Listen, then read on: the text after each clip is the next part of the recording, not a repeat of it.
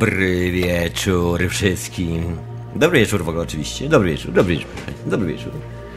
No właśnie, witam wszystkich e, w hiperprzestrzeni. W ten piękny, sympatyczny sobotni wieczór witam wszystkich, którzy zbłąkali się w tą część internetu do radia na fali, oczywiście jak najbardziej. No i oczywiście do radia, które retransmituje hiperprzestrzeń, czyli do Radia Paranormalium. Pozdrawiam słuchaczy zarówno Radia na Fali, jak i Radia Paranormalium. Jak zwykle jestem troszkę spóźniony. Ach, wiecie jak to jest.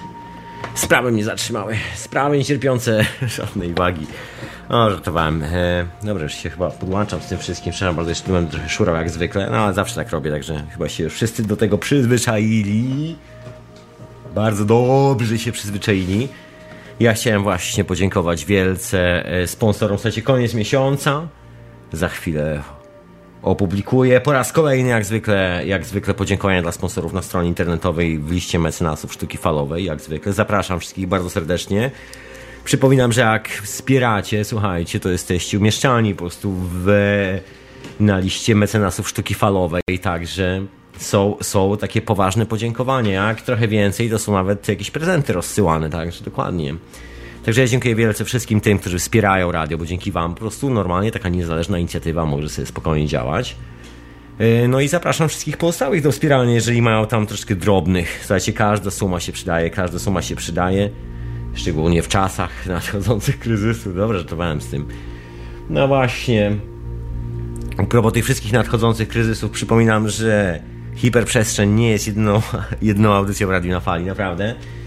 Yy, jest jeszcze Teoria Chaosu, jest DJ, Velon, jest Skóra i tak dalej. Także przypominam, żebyście odwiedzali jeszcze inne audycje. Przy okazji odwiedzali też e, dokładkę na stronie www.radionafali.com No i Teorię Chaosu oczywiście i całą resztę, że tam się pojawia. Dokładnie, żebyście ściągali, słuchali. No bo czasami jest tak, że człowiek jest w podróży i nie ma po prostu internetu przy sobie, a nie może być tak, że człowiek sobie gdzieś jedzie, samopas, tak o, i nie słucha radia na fali? Nie słucha podcastów z radia? Nie słucha... Jak to możliwe? Dokładnie. Także proszę o tym pamiętać, tu już się wszystko podkładam, łączę sobie wszystkie możliwe urządzenia. No właśnie, o czym dzisiaj w hiperprzestrzeni. Miał być dzisiaj gość, ale przyłożyliśmy sprawę na przyszły tydzień. Także gość, gość za tydzień. Będzie to kontynuacja oczywiście rozmowy, rozmów o substancjach psychoaktywnych, a właściwie o konsekwencjach spotkań naszych z substancjami psychoaktywnymi. Będzie Kuba. Babicki i mamy pomysł, żeby troszkę pogadać właśnie o mrocznej stronie substancji, tak zwanej mrocznej stronie, w ogóle nad tym się zastanowić, no i w ogóle granie jak zwykle wykopać temat troszeczkę dalej niż, niż aktualnie jest, dorzucić jak zwykle trochę do pieca, niech się wieści niosą, niosą, niech się herezje panoszą. Dokładnie. A dzisiaj oczywiście po, yy, po hiperprzestrzeni zapraszam Was wszystkich na jak najbardziej wieczorową porę, którą oczywiście poprowadzę ja. Że bardzo jak zwykle teraz muszę krzesło przystanie. O, co za szaleństwo.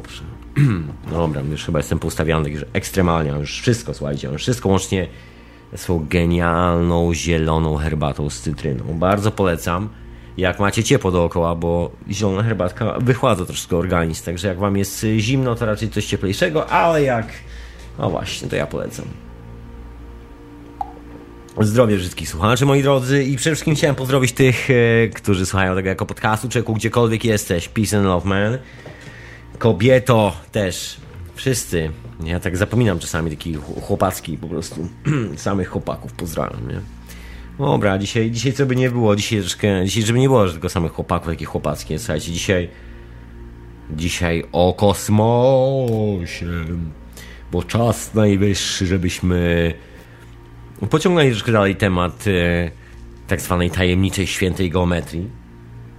No i przeszli z tej geometrii troszkę na kosmos, na kilka innych dodatkowych spraw, bo tego jest naprawdę sporo. Ja jeszcze aktualnie tak się idealnie złożyło, że mamy kometę, która sobie pomyka po niebie i ta kometa leci do nas. Jest wiele spekulacji na ten temat, które oczywiście za parę chwil okażą się zupełnie nieaktualne, bo wszystko się okaże, oczywiście za parę dni, no może nie za parę dni, ale za 20 parę dni i wszyscy już będą wiedzieli, ale tak czy siak, e, pomimo tego, że temat jest, że tak powiem, taki szybko traci na aktualności, będę chciał troszeczkę go poeksplorować z wami, moi drodzy, bo jest kilka bardzo intrygujących rzeczy w zachowaniu komety. Gdziekolwiek sobie ona nie poleci, cokolwiek się z nią nie stanie, jest już kilka intrygujących rzeczy, które odnoszą się do. No właśnie, do czego to się wszystko odnosi? Ja tu ciągle wracam gdzieś tam do czasów tajemniczych przodków, którzy konstruowali piramidy. No i nie tylko piramidy, wszystkie te neolityczne rzeczy, do tych wszystkich systemów solarnych, systemów księżycowych, tych wszystkich kosmicznych systemów właściwie.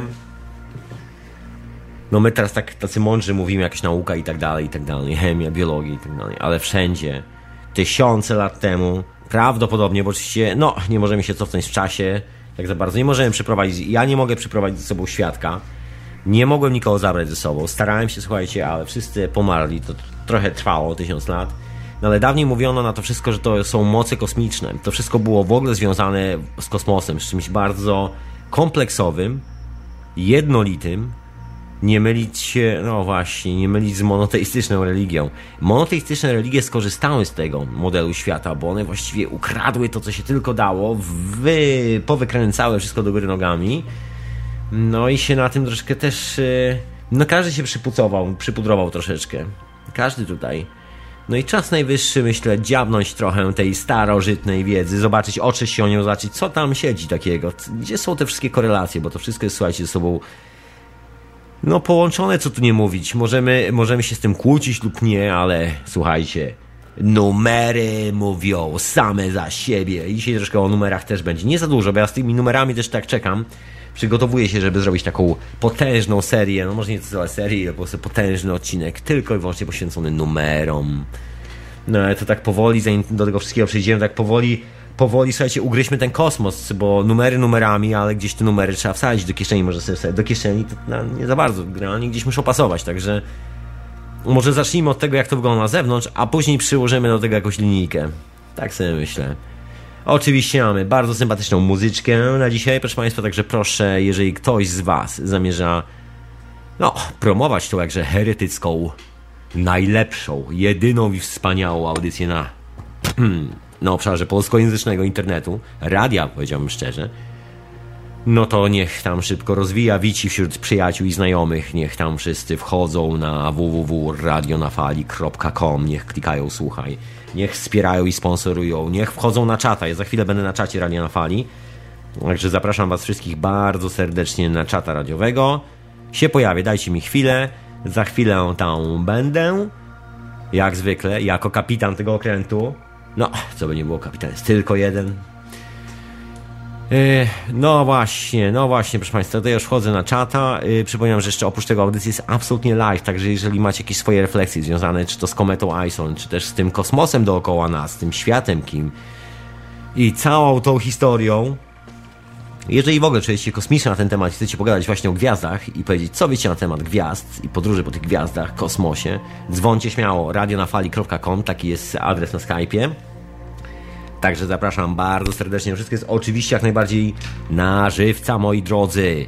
Na żywca! Na żywego. Nie ma tu żadnego trupa. Aż przynajmniej e, na tyle, na ile. Powiedziałbym szczerze. No właśnie, bo kto wie, czy nie jesteśmy już dawno martwi? No właśnie, kto to wie? Kto by to osądził, proszę Państwa? Kto by to osądził?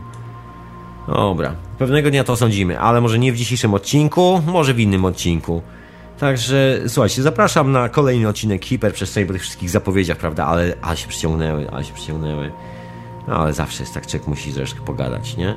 Jak to jest tak bez gadki? Tak po prostu od razu w mordę? Co co Trochę kultury, kultury trochę tutaj, nie? I żeby tej słomy nie wystawało z butów. Dokładnie.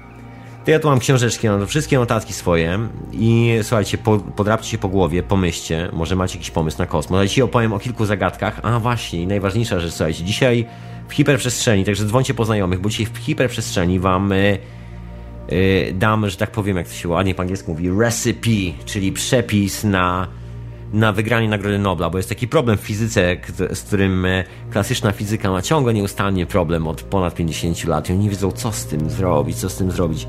Jako, że problem został już rozwiązany parę razy, to dzisiaj Wam e, opowiem o rozwiązaniu tego problemu. Jest to rozwiązanie zagadki eksperymentu szczelinowego. Jest to bardzo mocno związane z kosmosem, z tymi wszystkimi historiami. Także za rozwiązanie tej zagadki, moi drodzy, jest Nagroda Nobla. Także po dzisiejszym odcinku mam nadzieję, że kilku co ambitniejszych, e, no śmiało słuchajcie, możecie wypełnić petycję. To jest naprawdę, słuchajcie, stwierdzono, że za rozwiązanie tego przysługuje Nagroda Nobla.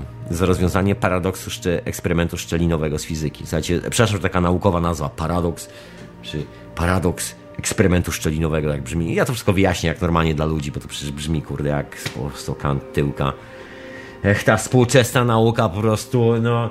Jak się nie wie, to się przynajmniej próbuje wyglądać poważnie, prawda? Te wszystkie mądre słowa to właśnie po to, żeby, żeby wszyscy się drapali po głowie i się zastanawiali, ale o czym jest to na pewno ma jakiś sens, prawda? No właśnie, to ja dzisiaj powiem, jaki ma sens. Także słuchajcie, kolejeczka myślę będzie dzisiaj do, do Nobla pod wieczór. No, może jutro po prostu się zrobi kolejka, zrobi się tłocznie. No, słuchajcie, nagroda jest tylko jedna, ponoć jest jakiś milion dolarów do wygrania.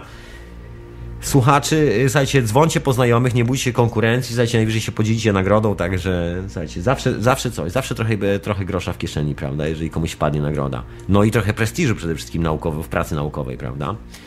Dobra, Y, to tyle z tych wszystkich wyjaśnień. To dzisiaj będzie. Ja w ogóle zacznę od tego eksperymentu szczelinowego, bo to jest taka dosyć istotna sprawa w tym wszystkim. No właśnie. No ale zanim zacznę od tego eksperymentu szczelinowego, to może po prostu zaczniemy od jakiejś muzyczki. Od jakiejś naprawdę miłej muzyczki, bo dzisiaj mam naprawdę miły muzyczny set, proszę Państwa. Także zaczynamy po prostu naszą wyprawę. Wyprawę po złote runo w kosmos do gwiazd.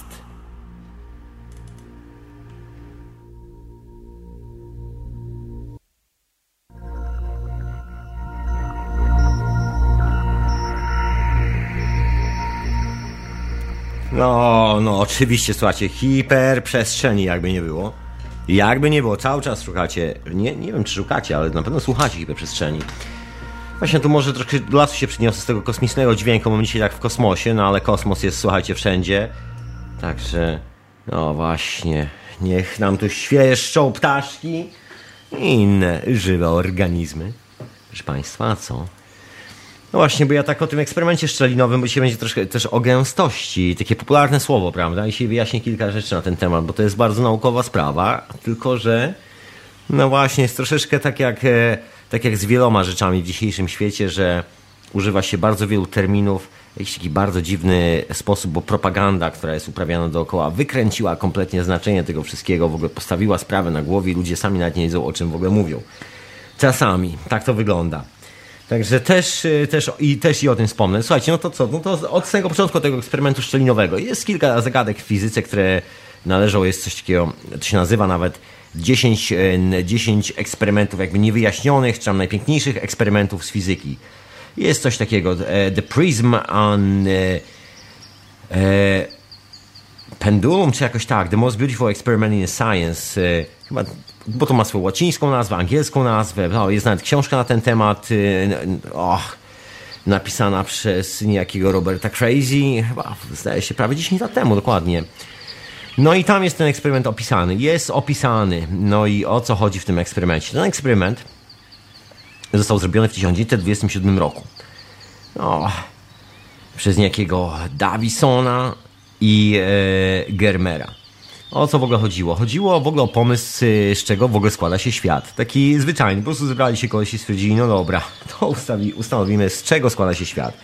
To oczywiście jak zwykle poszło o to, że Tesla i wszyscy inni ci kolesie, którzy nie, należy, nie należeli do żadnej akademii, mówili jasno i wyraźnie, że świat bazuje na.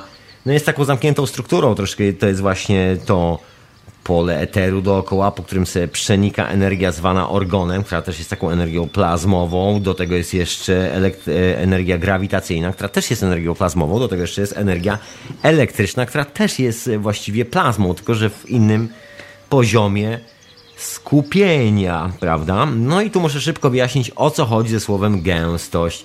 Ponieważ często jest tak, że ludzie, szczególnie, szczególnie naiwne jołopy, takie głupki po prostu, które to nigdy nie chciały zajrzeć do podręcznika, się zawsze śmieją troszkę, mówią, a tam gęstości, gęstości, o gęstościach mówi. No, a gęstość to jest, moi drodzy, ja tu się posłużę nawet wzorem e, Zresztą bardzo jak zwykle wzorów nigdy nie pamiętam. Nigdy, Nigdy nie pamiętam żadnych wzorów po prostu. Pewnego dnia może to się zmieni, może coś zacznę z tym robić, ale na razie w ogóle nie mam zamiaru. Słuchajcie, gęstość. Co znaczy gęstość? Gęstość to jest oznaczenie masy, to jest zawartość twardej materii w przestrzeni. Czy jeżeli na przykład weźmiemy coś, coś po prostu weźmiemy zestaw, przypuśćmy, atomów. Przypuśćmy, że świat jest atomistyczny, ale granie, no, no są, no mamy te małe substancje, które się pojawiają, funkcjonują i egzystują przez nie wiadomo ile, nazywamy je atomami. No i mamy to coś. No i to jest właśnie gęstość, to, że to się trzyma kupy, że na przykład żelazo jest bardziej gęste od wody, dlatego na przykład jak zrobimy taki cios jak Bruce Lee w sztabkę żelaza, to możemy sobie zgruchotać troszeczkę, jak ktoś jest niewprawny. No może chyba, że ktoś operuje specjalnymi mocami, to może tak na wylot. Ale ja nie operuję, także ja mógłbym sobie zgruchotać rękę. Natomiast jakbym tak wbił wodę, to oczywiście absolutnie się okazuje, że elegancko by miękko weszła w tą wodę moja ręka. Oczywiście tu dochodzi kolejny e, paradoks, że do tego dochodzi prędkość, że jakby gęstość zależy od prędkości przesuwu w ogóle, ile szybkości tego wszystkiego, co się dzieje dookoła, oczywiście kątu tego wektoru energii, można tak naukowo powiedzieć. No bo jak przywalimy wodę, na przykład tak skoczymy z 20 pięter na taflę wody, to ta tafla wody będzie dokładnie jak tafla betonu i nas rozmarze po tej wodzie na kotleta mielonego. Dokładnie. E, najlepiej sobie uświadomić gęstość, e, jeżeli na przykład weźmiemy sobie herbatę. To jest taki klasyczny właśnie eksperyment. Szklanka, herbata. Czego potrzebujemy? Potrzebujemy herbaty, ale takiej w torebce, dobrze by było. E, potrzebujemy szklankę, gorącą wodę i cukier potrzebujemy. Wtedy trzeba, co musimy zrobić? Zagotować wodę oczywiście zalać do szklanki, następnie bardzo szybciutko, elegancko wsypać cukier na samo dno, żeby sobie tam osiadł. Nie mieszamy, nie mieszamy nic i wrzucamy herbatę w torebce. Przykrywamy sobie spodeczkiem, odstawiamy, żeby tam nie było żadnego, żadnych ruchów wirowych, nic tam. On i tak są, tak, tak czy siak, ale ona, granie szklanka, znaczy ona, ta szklaneczka, będzie sobie stała i będziemy sobie obserwowali, co się dzieje. I zobaczymy, że powstaje coś w rodzaju takich warstw, że na dole cukier jakby rozpuszczając się izoluje, tworzy inną gęstość wody. A, właśnie. I woda nie nabiera pigmentu, który idzie od herbaty. A na górze, gdzie ta, gdzie ta gęstość wody jest y, o wiele, o wiele mniejsza, bo im wyższa temperatura w wodzie, tym jej gęstość jest y, po prostu mniejsza. Dokładnie. A im, że tak powiem, niższa temperatura, im chłodniej, tym większa. Dlatego jak zamrozimy wodę, to mamy lód, kostkę lodu, dokładnie. Ta gęstość jest bardzo konkretna. No i tu jest taki, tu jest w ogóle cała opowieść o tych gęstościach. No i z tymi gęstościami jest troszeczkę tak, że to się składa z cząsteczek. No i do tego doszła nauka. Ja troszkę wrócę później do tych gęstości troszeczkę, bo to też jest związane, to jest trochę takie nie tylko płyny, słuchajcie, wszystko co widzimy dookoła jest gęstością. To, że widzimy ścianę, to, że w ogóle na przykład mamy kawałek drewna jest tylko gęstością. Jeżeli zmienimy częstotliwość tego pola, za pomocą dosłownie dwóch albo trzech potężnych głośników, takich, które mają zakres częstotliwości od przypuśćmy praktycznie 0 Hz, czyli takie potężne membramy. Wyobraźmy sobie taką membramę w głośniku, nie, może metr wielkości, jakoś tak. Takie naprawdę musiały być uhu, hu. Można robić to innymi, jeszcze takimi małymi głośniczkami, które też emitują takie częstotliwości, ale to przy niskich częstotliwościach chodzi o po prostu jednak e, skalę, o wielkość. To się nie da inaczej. Taka jedna długa fala, jakbyśmy tak machnęli, e, z bata strzelili i to, znaczy taki no właśnie, ten bat by się tak rozprostowywał przez 17 metrów z takiego jednego herca, także granie jest to, jest to odległość, jest to większa skala, także trzeba było dużą membramę. No i wtedy jakbyśmy mieli takie membramy, to moglibyśmy na przykład e, wtedy puścić dźwięk, postawić coś po środku i zaatakować to w przyszłe, zaatakować to dźwiękiem. Okazałoby się, że to coś, co stoi w środku, jeżeli była, byłaby to na przykład szklanka ze szkła, mogłaby się rozpęknąć. Proszę Państwa, widzieliście nieraz ten słynny eksperyment, że o, w ogóle słyszeliście tą opowieść o tym, że, że śpiewaczka śpiewała i szklanka strzelała. Dokładnie o to chodzi.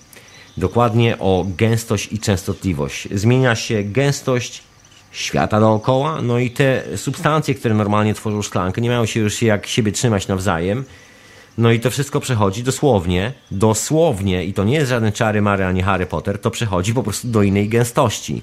Tak to się po prostu nazywa. Wzór na gęstość jest oczywiście, nazywa się P równa się M przez V do jednego yy, z angielskiego, z małej, z małej literki P się pisze, bo to jest takie greckie, właściwie to jest takie pi, rcho, czy jakoś tak. Nie, zaraz sprawdzę, co się w ogóle po polsku pisze, bo oczywiście jak zwykle, ja to jak zwykle muszę zamotać. No właśnie. No właśnie. Przepraszam bardzo, jak y, zapraszam wszystkich bardzo serdecznie, żebyście wpadali na czata Radio na Fali, radionafali.com, zakładka czat. Ja tam będzie, będę te wszystkie linki wrzucał, także już wrzucam linka na czata. Już to mam nawet po polsku, słuchajcie. Y, w przypadku substancji jednorodnych porcja ta może być y, wybrana dowolnie, jeżeli jej objętość wynosi V, a masa równa się M, to gęstość substancji wynosi P równa się M przez V. O właśnie.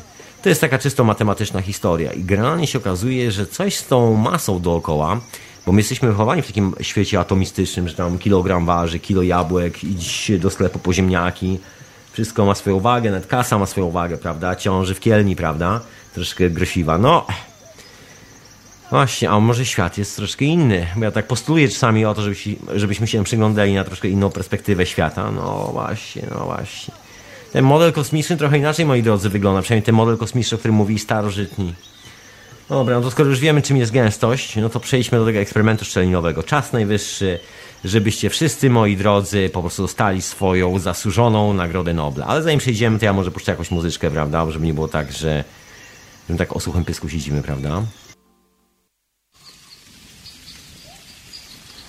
No, bo oczywiście słuchacie jak najbardziej radia na fali, oczywiście jak najbardziej hiperprzestrzeni retransmitowanej w radiu Paranormalnie się no i mam Tomek, a dzisiaj jest, no właśnie, dzisiaj troszkę o modelu kosmicznym. Wszyscy gotowi już na, na to, jak, jak dostać Nagrodę Nobla? Dobra, wszyscy już wiecie, czym jest gęstość, bo to jest dosyć istotne, żeby jakby mieć, mieć po prostu pojęcie tego, że jest coś takiego jak gęstość i że gęstość może mieć bardzo wiele wymiarów, bo ten, tą gęstość, którą my znamy, operuje w trzech wymiarach, ale jeżeli mamy rodzaj rezonansu, który ucieka naszym wymiarom, Czyli na przykład jesteśmy przysłowiowo umarliśmy i odrodziliśmy się jako pies. Taki zwykły osiedlowy kundelek. I okazuje się, że nasza skala węchu oraz przede wszystkim skala dźwięku, który słyszymy, jest dwukrotnie większa niż skala tego, co słyszy człowiek swoimi uszami. Jeżeli weźmiecie bardzo czuły mikrofon, to usłyszycie te wszystkie dźwięki dookoła. Normalnie ich nigdy nie słyszymy, bo to jest coś, co znika po prostu naszej percepcji. To nie jest gęstość naszego, yy, naszego świata, że tak powiem. Dosłownie. Absolutnie wymyka się, jest generalnie poza. Wiemy, że istnieje, bo jeżeli skierujemy tą nie, nawet niesłyszalną częstotliwość na kartkę papieru, jak na przykład się to dzieje, jeżeli macie coś do emitowania niskich dźwięków, ja to mam, specjalnie przyniosłem, yy, takie urządzonko. Słuchajcie, już włączę, mam jakiś niski dźwięk i usłyszycie, jak to wygląda. Dowiemy się, dowiemy się jak dużo słyszycie. A inna sprawa, że ten mikrofon jest naprawdę świetny, także będzie Wam bardzo ułatwiał zadanie, ale zobaczymy, do, której, do którego momentu zejdziecie z tymi częstotliwościami. To jest intrygujące. Czekajcie, muszę tu zaraz... Gdzie, gdzie są moje urządzenia do częstotliwości? Przepraszam bardzo, jak zwykle. No właśnie. No, znalazłem, przepraszam. musiałem, musiałem pokrzyczeć na maszynę. Dobra. Słuchajcie, to jest 10 Hz sobie głośno. Nikt nic nie słyszy. To jest 10 Hz. Słuchajcie, pies normalnie wstałby i biegał po, po mieszkaniu. Teraz jeżeli macie zwierzaka, to myślę, że powinien coś słyszeć. Teraz podnoszę.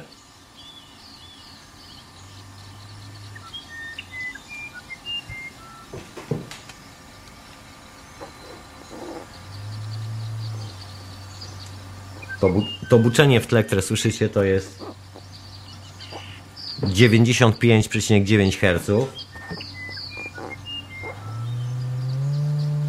To jest 147,5, 158,7, 180. I to są częstotliwości, słuchajcie, które słyszymy. I teraz schodzę. Kosmos. Ja jeszcze słyszę, bo tutaj akurat głośnik potrafi wyciągnąć ale słuchajcie, już przy 20 grani ludzkie ucho traci w ogóle.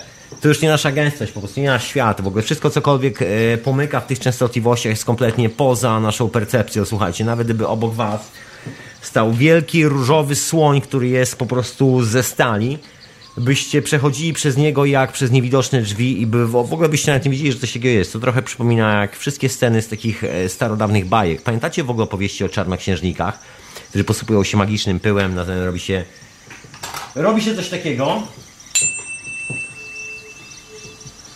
I koleś przechodzi przez drzwi, prawda? Dobre, nie? Naprawdę, to jest y, generalnie kwestia gęstości. Kwestia gęstości materii dookoła. My funkcjonujemy tylko w trzech, zwierzęta nie mam pojęcia. Zwierzęta widzą ten zakres o wiele więcej, takie zwykłe psy i koty od nas. Y, inne zwierzaki z kolei mają e, wzrokowo po prostu o wiele większy zasięg, czyli na przykład widzą częstotliwości, czyli widzą na przykład więcej kolorów. Poważnie, bez więcej kolorów. Na przykład ultrafiolet jest takim kolorem, kolorem którego my My, my, musimy mieć specjalną lampę ultrafioletową, która spowoduje, że, powoduje, że to pasmo jest dla nas widoczne. I to, że jest widoczne, jest tylko dlatego, że puszczamy po prostu przez kawałek szkła, mamy próżnię w środku, specjalny gaz w środku i przez ten gaz puszczamy kawałek prądu elektrycznego i tylko wtedy jest to widoczne, bo gdybyśmy tam włożyli zwykłe powietrze, no to już jest z tym dosyć poważny problem, bo w zwykłym powietrzu to już nie jest nasza gęstość, po prostu. A ile jest gęstości? Nie mam pojęcia. Słuchajcie, może być ich w cholerę generalnie. Wszystko, co jest jakby poza naszymi wymiarami, może normalnie naukowo powinniśmy określać właściwie gęstościami. Tak było określone w sumie 100 lat temu. Dokładnie. Później to oczywiście przestało pasować współczesnej nauce, teraz z tego robi się szarlatanerię. No bo jołopy nie doczytały po prostu w szkole. To jest, no ale to są dzisiejsze czasy. Nikt nie czyta już Maxwella, Faraday. Nikt, nikt nie, nie robi eksperymentów, prawda? Dobra. Ale są tacy, którzy robią, słuchajcie. Nie jest tak źle. Słuchajcie, są tacy, którzy robią. No i zrobiono taki eksperyment całkiem niedawno. Oprócz tego, że zrobiono taki eksperyment w, w latach dwudziestych, nazywał się eksperyment szczelinowy, no to zrobiono taki eksperyment całkiem niedawno na Michigan Institute of Technology. Zrobili to studenci, zaintrygowani tym, tym w ogóle eksperymentem. No, w ogóle powtarzano go, parę ludzi go robiło.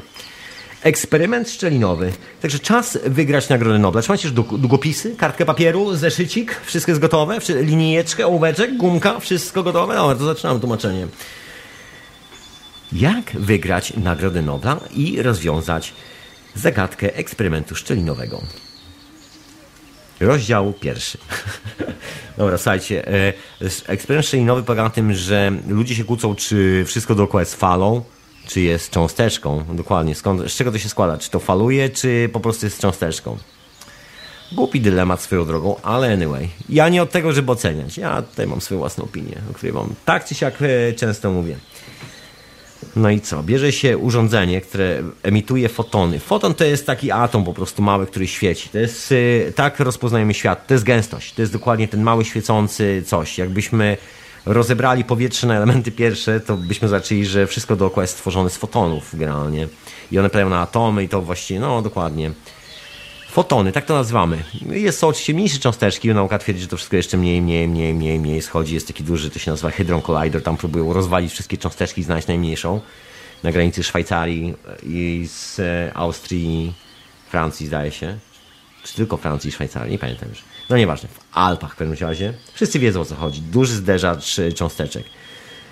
No i o co z tymi cząsteczkami chodzi? Zrobiono taki eksperyment, że zrobiono szczelinę, postawiono działo, które strzela tymi, e, tymi fotonami, no i patrzono, co się, patrzano, patrzano, co się wydarzy na drugiej stronie e, na kartce, po prostu gdzieś ten foton zostanie wystrzelony. No i się okazuje, że przez tą szczelinę, jak się ustawi, strzela tym fotonem, no to jest po prostu jeden taki pasek się robi, bo to się strzela paroma, takim wiązkę się puszcza fotonów. No i się okazuje, że jest jedna szczelina, jeden pasek, trochę jakbyście wzięli latarkę, wycięli po prostu jeden taki wąski pasek w kartce papieru, odsunęli latarkę troszeczkę i tak poświecili sobie przez tą kartkę, przez ten wąski pasek. Pamiętacie film o wojnie? Samochody miały takie paski na reflektorach. Dokładnie taki, ta sama idea, żeby po prostu świecić taki pasek.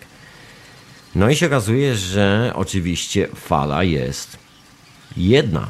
Znaczy, jakby nie ma fali, jest po prostu taka wiązka fotonów, że je, jest kawałek czegoś, tak jakbyście wzięli piłkę po prostu tenisową. Wyobraźcie sobie, że po prostu nie ma fotonów, to są piłki tenisowe albo golfowe i działo, które wystrzeliwuje te piłki. I one generalnie prosto lecą i odwzorowują kształt tej, szpa, tej, tej szpary, przez którą przeleciały po drodze.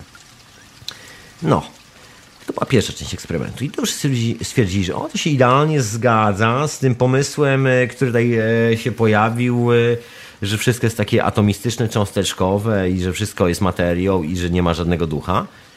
No ale po chwili zrobiono kolejny. No dobra, to co się stanie, kiedy zrobimy dwie szpary, dokładnie takie same jak ta pierwsza, tylko dwie obok siebie, no i przepuścimy z dwóch dział. No, powinniśmy mieć dwie, e, logicznie rzecz biorąc, powinniśmy mieć dokładnie dwie takie smugi na kartce naprzeciwko. Prawda? Tu się okazuje, że nagle powstaje fala tych smug, robi się masy, tak zwana interferencja. Tadam! I to jest zagadka. Jak to wyjaśnić, że kiedy się świeci przez jedną, to jest e, uderza jako cząsteczka, a jak się świeci przez dwie szczeliny, to się okazuje, że ta piłka jakby się roz, roz, rozpadała na parę piłek, prawda, jeszcze mniejszych. I się dziwnie bardzo zachowuje. Zachowuje się po prostu jak fala, jakbyście po prostu wzbudzali falę na jeziorze. Jak jeszcze się za jedną szczeliną, która strzela prosto, postawi drugą, która ma tylko dwie szczeliny, to znowu jest fala. Znowu są takie historie. Jak to wszystko działa? Zagadka wielka fizyki. No ale zagadka nie jest taką wielką, aż tak wielką zagadką. Tu musimy wrócić do modelu kosmicznego. Słuchajcie, o, o, o, czym mówi ten model kosmiczny? Ten model kosmiczny mówi o bardzo intrygujących sprawach. O bardzo intrygujących sprawach. Generalnie wszystko jest elektrograwitacyjne. Jeżeli weźmiemy sobie magnes do ręki, to wygląda na to, że wszystko jest po prostu elektrograwitacyjne. No jeżeli spojrzymy od tej strony, no to faktycznie wszystko ma swój potencjał elektryczny, wszystko ma swoje napięcie, natężenie, tak jak owa gęstość. Przecież ten foton to nie jest coś, co się bierze po prostu dziarsko z kosmosu, po prostu przyleciało, się pojawiło i nazywamy to fotonem i ktoś po prostu oparł się w mądrej pozie na krześle, podparł sobie głowę tak na, na ręku, powiedział mam, mam. Niech, niech to się nazywa foton od dzisiaj. No nie, nie, to jest po prostu coś, co możemy zmierzyć tylko i wyłącznie. Tylko chodzi o to, że po prostu mamy urządzenia pomiarowe i tylko to widzimy. Po prostu wiemy, że coś takiego jest, widzimy, świeci się małe foton. That's, that's how this work. Dokładnie. No i teraz o co chodzi? Wyobraźcie sobie, że że to jest tak, że my po prostu nie widzimy pewnych gęstości. Teraz weźcie do ręki magnes. Jeżeli macie jakiś magnes przy sobą, nie bierzcie dużych kadmowych, e, e, to nie są kadmowe, kadmowe są akurat słabe, ale och, nanokadmowe te magnesy, no dynium czy jakoś tak się nazywają. One są bardzo mocne, uważajcie, żebyście sobie nie skasowali twardego dysku na komputerze. Jak macie jakieś bitcoiny, no właśnie. Uważajcie, są bardzo mocne magnesy, bardzo kruche generalnie, bo te, też są, no, ale są mocne, ale są fajne i można sobie z nimi zrobić eksperyment. teraz wystarczy wziąć dwa magnesy i spróbować je przysunąć do siebie, kiedy mają dokładnie dwa te same pola w swoim kierunku. Nie da się, cały czas się odpychają. I fenomen polega na tym, jak weźmiecie linijkę i pomierzycie sobie odległości, to taki malutki magnesik, który ma na przykład, nie wiem, centymetr e, wielkości, proszę kulka po prostu, centymetrowa kulka albo taki krążek centymetrowy, i weźmiecie drugi taki krążek centymetrowy, to przestrzeń między nimi jest po prostu gigantyczna. Tego odpychania. To jest w ogóle proporcjonalnie w stosunku do materii, którą, którą tworzą, prawda? Taka prosta rzecz. No, my widzimy, i zobaczcie teraz jedną rzecz. My widzimy tylko ten magnes, nic więcej. Tylko magnes jest widoczny w spektrum naszej gęstości. Absolutnie nic więcej. Kawałek e, czego czarnego, ewentualnie pochromowane, e, błyszczący i to wszystko. Cała historia. I teraz sobie wyobraźcie, okej, okay, to my widzimy foton i dookoła tego fotonu też jest troszeczkę jakby sprawy dookoła, prawda? Pamiętacie wszystkie te opowieści o tym, że dookoła człowieka jest y, aura i tak dalej. Słuchajcie, to nie są czary mary, jest aparat fotograficzny, który robi zdjęcia w tej, w tej technologii. Doskonale wiem o co chodzi, nazywa się y, fotografia y, Kiriałowska Zaraz tam powklejam linki. Wszyscy wiemy o co chodzi. Widać po prostu bardzo. Co to jest fotografia Kiriałowska? To jest bardzo niski potencjał prądu elektrycznego, który normalnie jest niezmierzalny i nierejestrowalny przez urządzenia. Natomiast jeżeli się położy kliszę fotograficzną, to jakiś dziwny sposób, bo klisza fotograficzna składa się z tlenku srebra, moi drodzy, czyli z kawałku metalu. A, e, a wszystko, co jest granie metaliczne, ma swoją plus i minus, ma swoje właściwości magnetyczne. To co mówili alchemicy, że wszystko na świecie jest tym samym, wszystko jest tą samą materią. A właśnie brzmi tak troszkę alchemicznie, no. No i się okazuje, że jak się tak strzeli takim, e, takim, że tak powiem, taką niską, niskim prądem w kliszę fotograficzną, to ona zapisuje i się okazuje, że dookoła ludzi jest aura, dookoła roślin jest aura, dookoła wszystkiego jest aura. I my to fotografujemy różnymi kolorami. Każdy typ aury, nazywamy to aurą, ma inny kolor. Kolor to jest częstotliwość to jest dalej generalnie ta sama historia. To jest coś, co to jest tak zwane spektrum widzialnego światła. Tak to się w nauce nazywa. Nie, ma, nie jest to absolutnie nic wspólnego z, z Harry Potterem. Absolutnie, moi drodzy.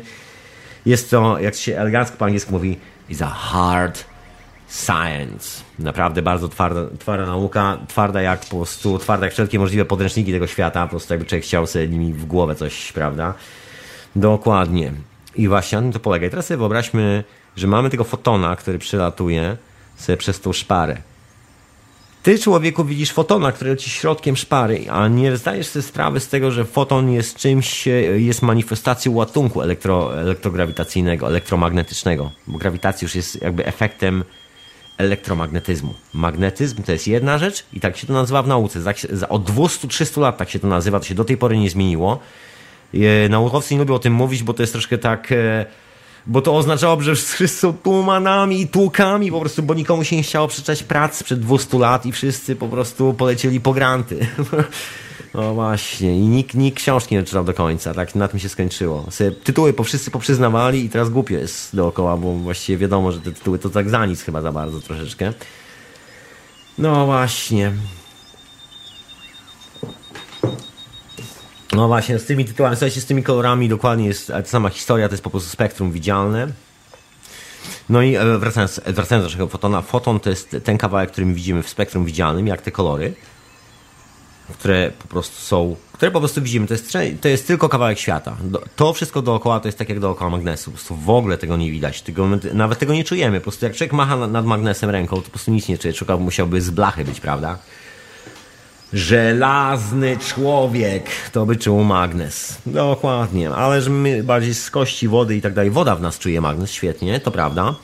Ale już jakby, ale to też takie muszą być bardzo wysokie pola e, magnetyczne. No to w ogóle inna historia. Zdrowe w ogóle to jest, jak się okazuje. Znaczy nie wszędzie, nie zawsze i nie w każdy sposób, ale generalnie. Ale o tym może, może później, słuchajcie. O tym może później po prostu. E, no i jak mamy tego fotona, to mamy to pole dookoła fotona, prawda? Tak jak tą aurę dookoła nas, tak jak aurę dookoła roślin, którą da się sfotografować na tej fotografii. Właśnie jak się fotografuje tą fotografią, bo to jest intrygująca rzecz. Kładzie się na przykład liść na takim specjalnym, to wygląda jak skaner, dosłownie taki skaner, taki jak się dokumenty skanuje, cokolwiek. Każdy z Was prawie ma w domu. W Polsce wszyscy, wszyscy robią papiery do urzędu skarbowego, także w Polsce wszyscy to chyba mają. Dobra, żartowałem, wcale nikomu źle nie życzę a żeby zginął ten urząd skarbowy, żeby spaliło ten ZUS, żeby pioruny tam po prostu wyorały, żeby dziura w ziemi została, niech zaraza ich spali ten ZUS. Dobra, więcej nie mówię na temat ZUS-u. Ja też mam ze sobą, słuchajcie, nie mieszkam już tam.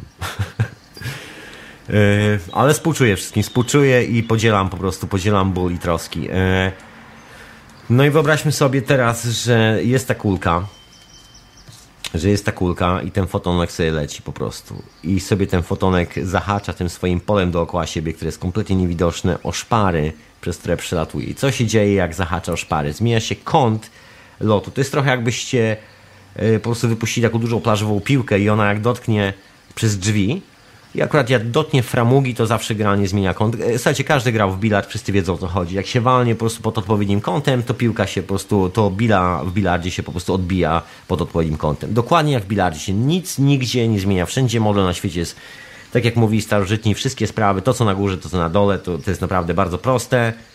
To jest świat, w którym żyjemy. Nie jest to zasada, to jest po prostu świat reguły. Starożytni fajnie mówili na ten temat, nazywali to regułą. Nie zasadą, tylko regułą że po prostu żyjemy w takim świecie, który po prostu od strony fizycznej e, podlega takiej regule elektromagnetycznej, jak to można elegancko powiedzieć.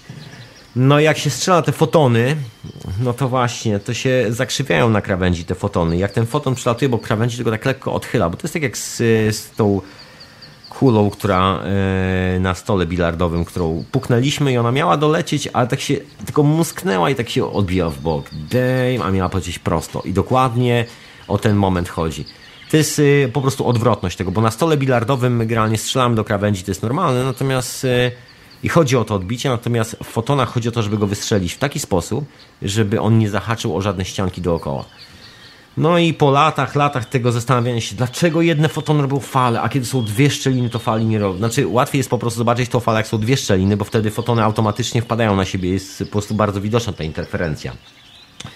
Natomiast na czym polegał dowcip? Oryginalnie eksperyment został zrobiony z błędem, ponieważ okazało się, że szczelina, przez którą strzelano, po prostu była za duża. I okazuje się, i w ogóle nikt nie próbował zmieniać rozmiaru tej pojedynczej szczeliny, przez którą strzelano te fotony. Wszyscy po prostu uznali, że tak jest, że jak leci przez jedną szczelinę, to jest e, przepraszam bardzo, to zachowuje się jak cząsteczka. Jak leci przez dwie, to jest automatycznie faul. Wszyscy, że po prostu tak jest. Po prostu od dzisiaj wszyscy chodzimy w gaciach na głowie i mówimy po szwedzku. Jak w pewnym filmie Woody Allena. Dokładnie, po prostu tak stwierdzili poznaukowcy, dzielni, mądrzy ludzie. Oj, skoro tak jest, po prostu religia, słuchajcie, dogmat. Nikt się nie zastanowił, nikt nie pomyślał. Minęło trochę lat i powtórzono ten eksperyment, no i chłopaki zaczęli zmieniać szerokość tej szczeliny. No i się okazało, że jak tą szerokość szczeliny się zmniejszy do takiego bardzo małego rozmiaru, to co się zaczyna dziać? Y, na, na tej kartce, na której się normalnie wyświetlało odbicie tej szczeliny, tam te fotony tak leciały przez nią, nagle się pojawiała fala, nagle się pojawiło zjawisko interferencji, a była tylko jedna szczelina, wystarczyło tylko ją zwęzić.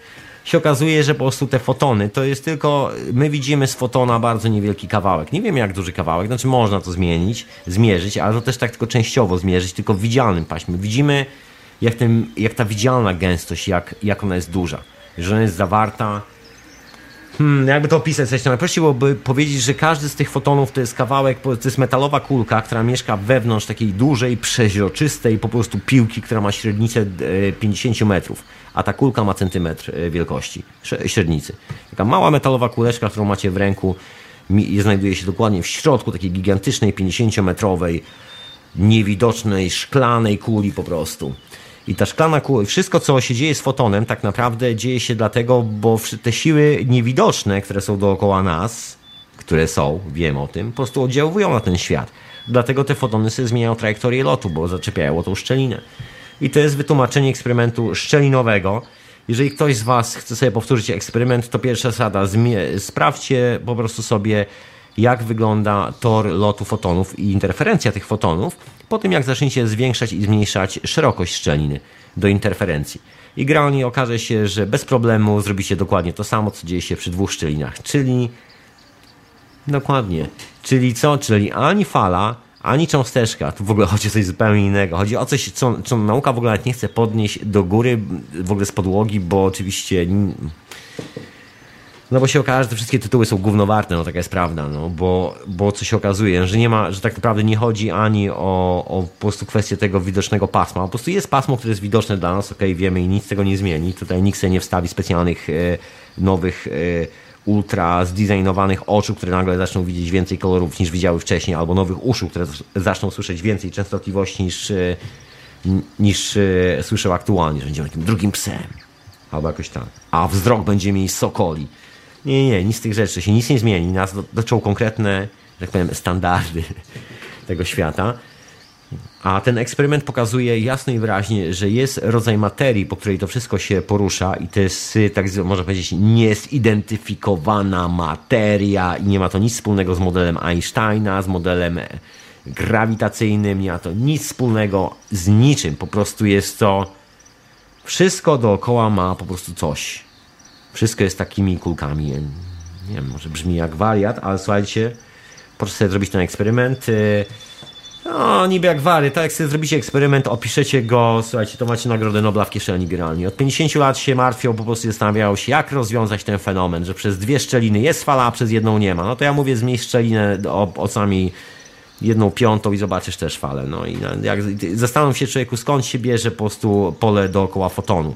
Tak samo jak skąd się bierze pole dookoła magnesu. Po prostu pomyśl człowieku o tym, co się dzieje dookoła. Jak na przykład jest jezioro, to woda dookoła jeziora jest bardziej wilgotna, prawda? Dokładnie, wszystkie tego typu rzeczy po prostu mama natura, mama natura po prostu. Kompleksowy system, moi drodzy, kompleksowy. No, Także proszę mnie tam umieścić w, w, w tytule, to znaczy no, pracy naukowej, także nie było tak, że coś tracę. Ja chciałem też mieć jakiś udział z tego wszystkiego, z tego Nobla. No i proszę się zgłaszać do Komisji Noblowskiej. Jakby co, mogę pożyczyć adresik, y, bo to nie ma żadnego problemu. Słuchajcie, jest milion. Ja myślę, że ja chcę z tego jakieś... E, a, 50%. Myślę, że tak, pół na pół jest, jest dobry deal dla każdego. Właśnie, a, a propos takich dealów, to zapraszam do dokładki, bo ja tam troszkę mówię o takich, e, no właśnie, pewnego dnia też tam opowiem o Nagrodzie Nobla i wielu innych nagrodach, no o czym to, o co tu chodzi. Ale to dokładka, po audycja poświęcona sprawom globalnej finansjery, moi drodzy. Dzieje się dokładnie w środę o godzinie 22 polskiego czasu. Zapraszam wszystkich bardzo serdecznie. Możecie sobie ściągać, jest oczywiście dostępna online na radionafali.com. Zapraszam bardzo serdecznie. Dział audycji i tak dalej, i tak dalej. Tam, gdzie jest Bill Hicks tłumaczony przez Klona, tam, gdzie są wszystkie te rzeczy. Ściągać sobie te audycje, słuchać i promować. Radio na fali, jak i zarówno wszystkie radia, które wspierały Radio na fali, czyli na przykład Radio Paranormalium, które transmituje hiperprzestrzeń aktualnie że pozdrawiam słuchaczy Radia Paranormalium bardzo serdecznie. No i Radio na Fali oczywiście jak najbardziej, jako kapitan, jak najbardziej. Słuchajcie, zapraszam też na czatę, za chwilę będę wrzucał te linki. Dobra, robię przerwę od tego gadania. No, spiszcie te wnioski, podsumujcie, słuchajcie, Nobel już w ręku, prawda? Mówiłem, mówiłem, widzicie, można coś mieć z tej audycji, można coś mieć, można mieć nagrodę. I to jaką, prawda? Dokładnie. To się, to się nazywa coś, nie? Dobra, koniec tej gadki, po prostu czas na jakąś muzyczkę, na jakąś miłą muzyczkę. Ech, to posłuchajmy jakiejś miłej, e, sympatycznej muzyczki. Wszystkim, no ale słuchajcie, skąd trzeba wyjść? Tak wspomnę, że ten eksperyment szczelinowy właściwie no nie jest aż taki młody, to właśnie nie jest eksperyment tak naprawdę z, na, z tego ostatniego, można powiedzieć, wieku XX wieku, z lat 20., bo on troszkę wcześniej się zaczął, bo to w ogóle dywagacja na temat, czy natura świata jest falowa, czy nie już 1800 chyba którymś ten eksperyment po raz pierwszy zrobiono, z tego co się orientuje, gdzieś tam 802, czy na samym początku stulecia w ogóle, że właśnie udowodni, że świat jest falą, że jest drganiem, że albo coś tam. Ale to było takie troszkę dziwne myślenie, bo to, bo co to ma do rzeczy, bo yy, prawda jest taka, że żeby była jakakolwiek fala, żeby cokolwiek mogło przejść, żebyśmy mogli przejść z jednej strony na drugą stronę rzeki, musi być most. I coś tym mostem musi być. I to jest coś, o czym nie chce myśleć współczesna nauka. W ogóle, w ogóle, po dla niej to jest sprawa, która nie istnieje, ponieważ to przeczy w ogóle, no przeczy całemu, całej logice, e, która tam panuje. Całej tej religii, która jest oparta na, na tych właśnie dziwnych dogmatach, po prostu nie wiadomo jakich. No właśnie. To ja może, słuchajcie, a propos tych wszystkich dogmatów, to ja w ogóle powinienem na chwilę wrócić do Keplera, o którym wspomniałem, w, e, mówiąc i rozmawiając o tej tajemniczej geometrii tydzień temu. Właśnie, bo w ogóle się dziabnąłem. Dobrze, że nikt nie zauważył, to teraz poprawię. Słuchajcie, przecież e, święta geometria, w ogóle nazwa święta geometria nie pochodzi od Martina Oma, tylko od właśnie Keplera. To, to Kepler jako pierwszy użył słowa święta geometria ponieważ te wszystkie planety, te bryły, które on skonstruował, jedną wyliczył z drugiej, wszystko wyliczył z jednej na samej dole, obliczył, opakował jak te radzieckie babuszki, jedna wkładana w drugą, jak to się obkręci, wszystko się spotyka w tych samych miejscach. Wow, niesamowite. Ja stwierdził, że skoro wszystkie planety tak działają na Ziemi, e, znaczy na, na, na, w kosmosie, skoro wszystko się tak kręci, wszystko jest takie po prostu idealne, to musi być wolą Boga. No i generalnie, żeby nie zostać posądzonym o bluźnierstwa i z tych rzeczy dla bezpieczeństwa, po prostu użył nazwy święta geometria. A jeśli w miarę bezpieczne, mało heretyckie, prawda? Tym bardziej, e, tym bardziej, jeżeli się używało tych wszystkich heretycznych nazw na Merkury, Uranium, Neptun, Wenus, no właśnie. Właśnie zapomniałem o Wenus jeszcze. Ach. No ale zostaw może do planet, do planet za chwilę, do planet za chwilę, bo też tu jest w ogóle ciekawa historia. Mamy tak do komenty, słuchajcie, bo to w ogóle wszystko się dzieje. Słuchajcie, bo to się dzieje tu i teraz po prostu, to jest tu i teraz, no. Nie każdy, nie każdy to wie, ale czas najwyższy po prostu to złapać, nie? Że to jest tu i teraz. Słuchajcie, więc y, jak Kepler to skumał, no zaczęło się wyliczanie tego wszystkiego. Oczywiście później się pojawił Martin Ohm. Y, Martin Ohm stwierdził, że to się będzie nazywało złotą proporcją, bo proporcja po prostu brzmiała tak y, lepiej. Po prostu Martinowi Ohmowi. To mu zawdzięczamy słowo złota proporcja, bo on zaczął wyliczać i mierzyć i on skumał, że, postaw, y, że to jest proporcja, którą można odliczyć i tak dalej, i tak dalej. W kwiatkach i wszystkie te historie. Znaczy jakby powtórzył po przodkach, ale to też jest takie może powiedzmy tak, odkrył to dla nas na nowo. Myślę, że to chyba najbardziej uczciwie postawiona sprawa będzie. Więc, yy, więc o co chodzi w tej świętej geometrii, prawda? O czym mówiłem, prawda? Wszyscy pewnie ci, którzy słuchają, sobie notowali, zeszyciki wyciągnęli. Dobrze, żartowałem, żartowałem. E, pamiętajcie tą historię z kątami, że dzielą się, że właściwie geometria dzieli się na coś, co stanowi reprezentację po prostu niekończącego, niekończącego się wzrostu yy, natury, to, że po prostu drzewo, roślina, cokolwiek jest, zawsze będzie rosło. I to jest ten pattern, który się po prostu cudownie, cudownie tworzy cały czas. No i to jest oparte na pentagramie, prawda? No i to jest, yy, co, da, co by tu dalej nie mówić, kolejna rzecz, to mamy kolejne kształty, czyli coś, co jest yy, podzielne, symetryczne, prawda? Czyli coś, co można powiedzieć doskonale utrzymuje, jakby stabilizuje tą energię, tudzież tworzy siatkę, po której ta energia może sobie przechodzić, tudzież może czasami jakby zachować się trochę jak taki naturalny, że tak powiem, no, naukowo, technicznie bym powiedział kondensator, a dla tych, którzy nie wiedzą, to kondensator bym powiedział takie wiadro do, do zbierania wody po prostu. Jak cieknie. można troszkę wody, wody tam podtrzymać, e, dokładnie takie kształty, które po prostu przytrzymują troszeczkę energii ze sobą. Są, można jak magnes naładować energię i ona tam zostaje przez niewiele, po prostu zostaje cały czas, tak się kręci. No i każdy z tych, e, z tych kształtów jakby opiera się na dwóch tych zasadach, że jedno to jest matematyka podzielna, a drugie jest matematyka niepodzielna. Jedno są liczby racjonalne, a drugie to są właśnie te pitagorejskie, znaczy jedno to jest nieracjonalne, a drugie to jest to właśnie pitagore, pitagorejskie, racjonalne, podzielne. No i występuje tam ten e, tajemniczy kąt 60 stopni. W, tym, w, tym, w tej racjonalnej matematyce dokładnie ten sam, według którego są zbudowane piramidy. Te, naj, te gigantyczne piramidy, które stoją w Egipcie. Dokładnie. Jeżeli spojrzycie na większość, e, na pozostałe budynki neolityczne, to ten kąt zauważycie w bardzo wielu miejscach. Ja na razie nie będę się, że tak powiem, roz, rozwodził na pozostałe, zostanę tylko przy piramidach, żeby tam nie rozmywać tematu, słuchajcie. O co chodzi z tym 60 stopniami?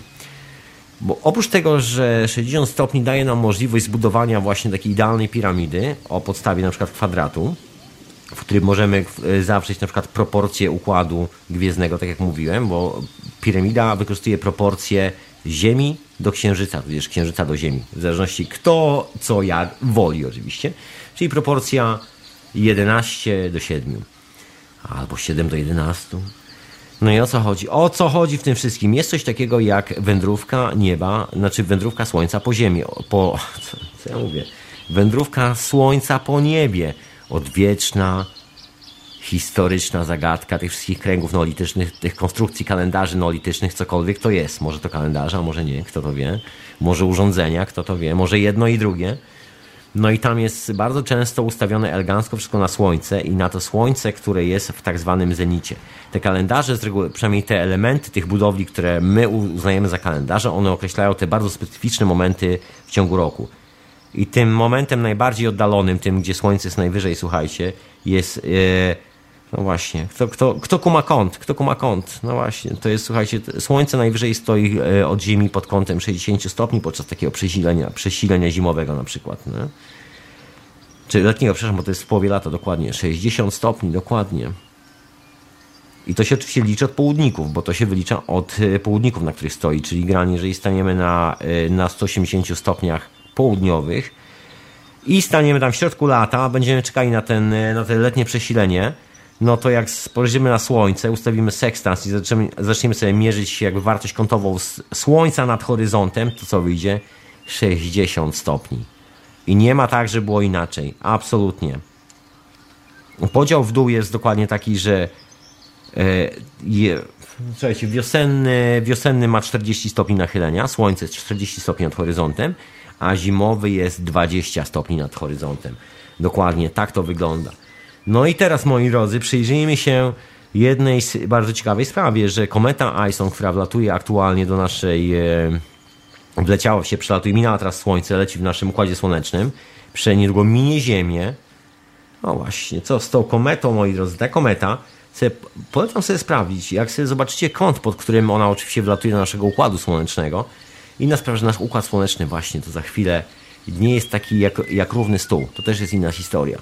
No ale na razie skupmy, skupię się na komecie. Słuchajcie, ta kometa generalnie i cała ta ekliptyka komety, czy jakby jak sobie coś leci po okręgu, to przypuśćmy, że narysujemy sobie ten okręg na papierze i to jest nasza ekliptyka na płasko i jak sobie na przykład chcemy ją sprawdzić, to możemy ją sobie tak kątem w lewo, trochę w prawo, trochę taką kartkę papieru sobie tak trochę y, perspektywicznie obracać w ręku. Chyba wiecie o co chodzi. No i kąt e, tej ekliptyki, która, e, którą wytacza ta kometa Ison, ma dokładnie 60 stopni. Jest dokładnie jakby opozycją tej sytuacji, w której aktualnie znajduje się Ziemia. Jest taki idealny, idealny system magnetyczny prawie. Jak przy magnes, to magnes odpycha drugi magnes, kolejny magnes odpycha kolejny magnes i zawsze ta proporcja tych sił grawitacyjnych jest taka sama. Właśnie nie tyle grawitacyjnych, ile magnetycznych. Właśnie, bo to też jest z grawitacją taka historia, takie, znaczy niewłaściwe słowo, magnetyczne jest zdecydowanie lepsze, bo właściwie docelowo opisuje to, czym to tak naprawdę jest.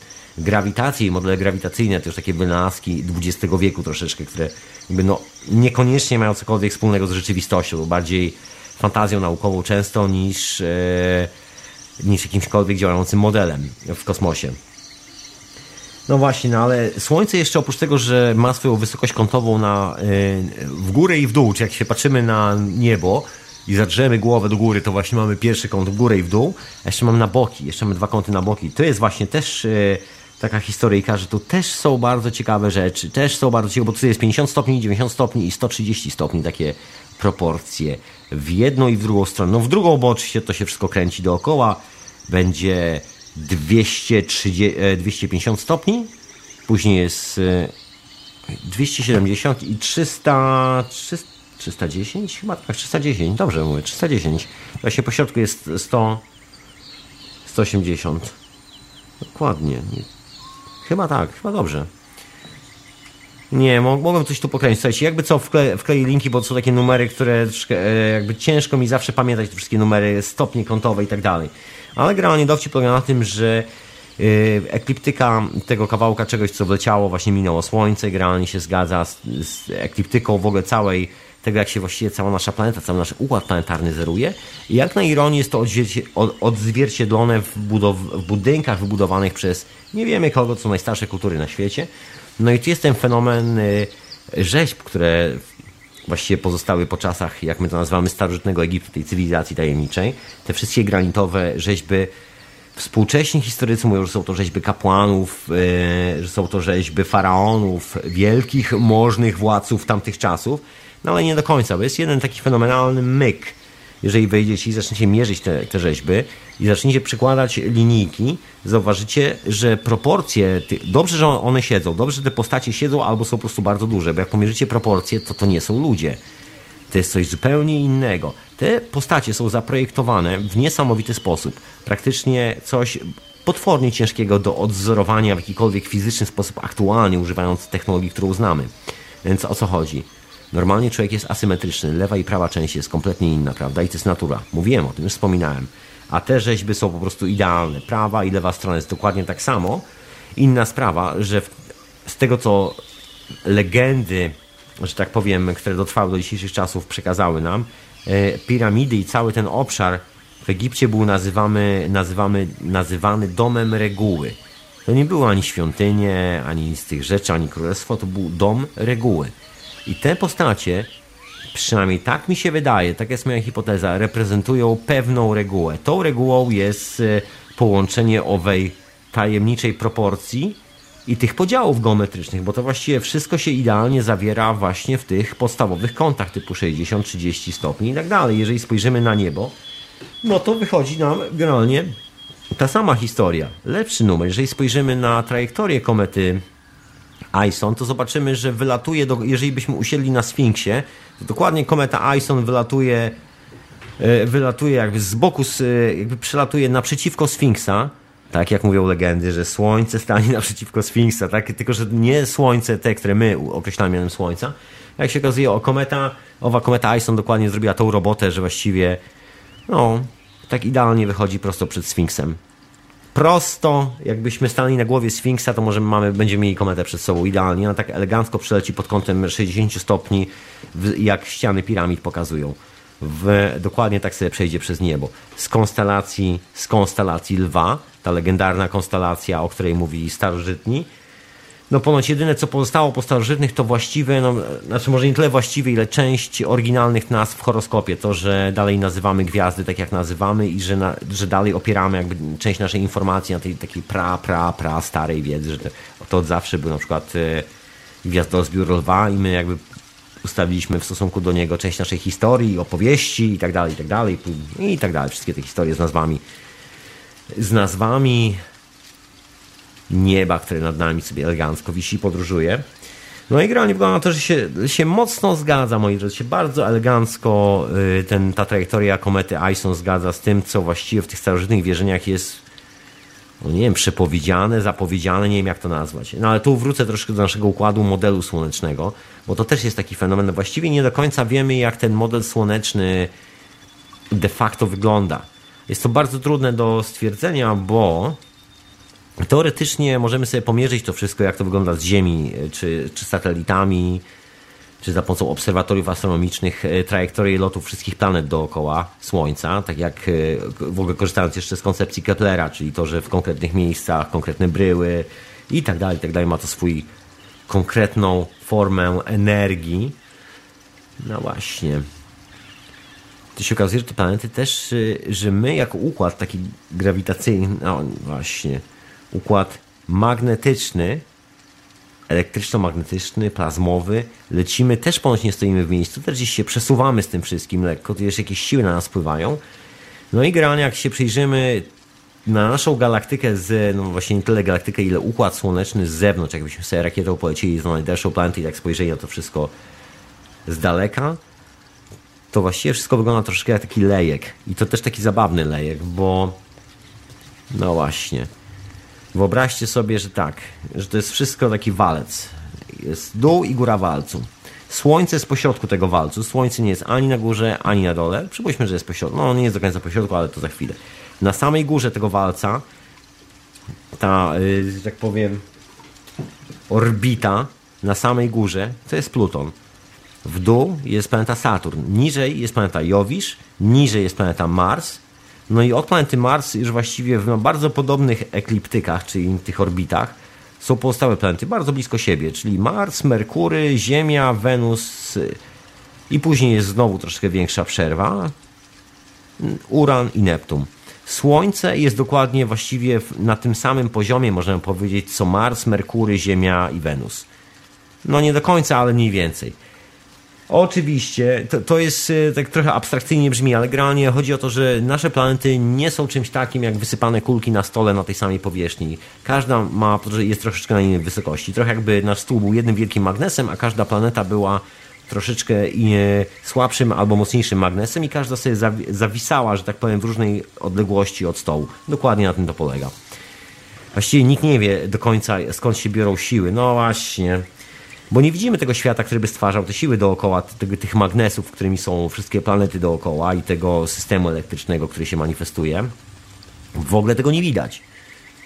Jest podejrzenie, że jest to gdzieś bardzo daleko i że są to bardzo potężne siły magnetyczne, takie po prostu nie dmucham. No i tu trzeba po prostu wrócić, wręcz po prostu trzeba do tych wszystkich neolitycznych legend, słuchajcie, do tego skąd się wziął model krzyża. Bo model krzyża jest, o czym często mówię, jest oparty na czymś takim, co się, e, co w ogóle przetrwało w tej starożytnej wiedzy, w starożytnej informacji do dzisiejszych czasów. I to jest symbolizowane przez numer 4.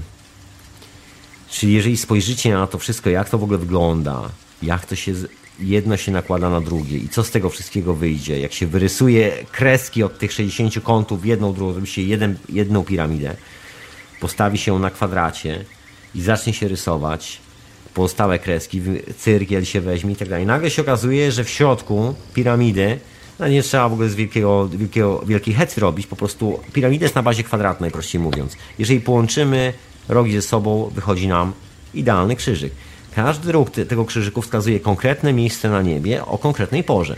Aktualnie tak się złożyło, że od roku 2012, 24 grudzień, e, piramidy wskazują dokładnie idealny moment. Właśnie nie wiemy, czy przypadkiem nie zostały z tego powodu zbudowane właśnie, znaczy, czy nie przez przypadek. No nie, nie sądzę, że był to przypadek. Nikt nie buduje przez przypadek takich budynków i nikt przez przypadek nie umieszcza wszystkich na przykład wycięć w tym budynku, idealnie dopasowując je do ustawień gwiazd, które się na przykład odbędzie za tam x tysięcy lat do przodu. Tego się nie robi przez przypadek i to się nie dzieje przez przypadek.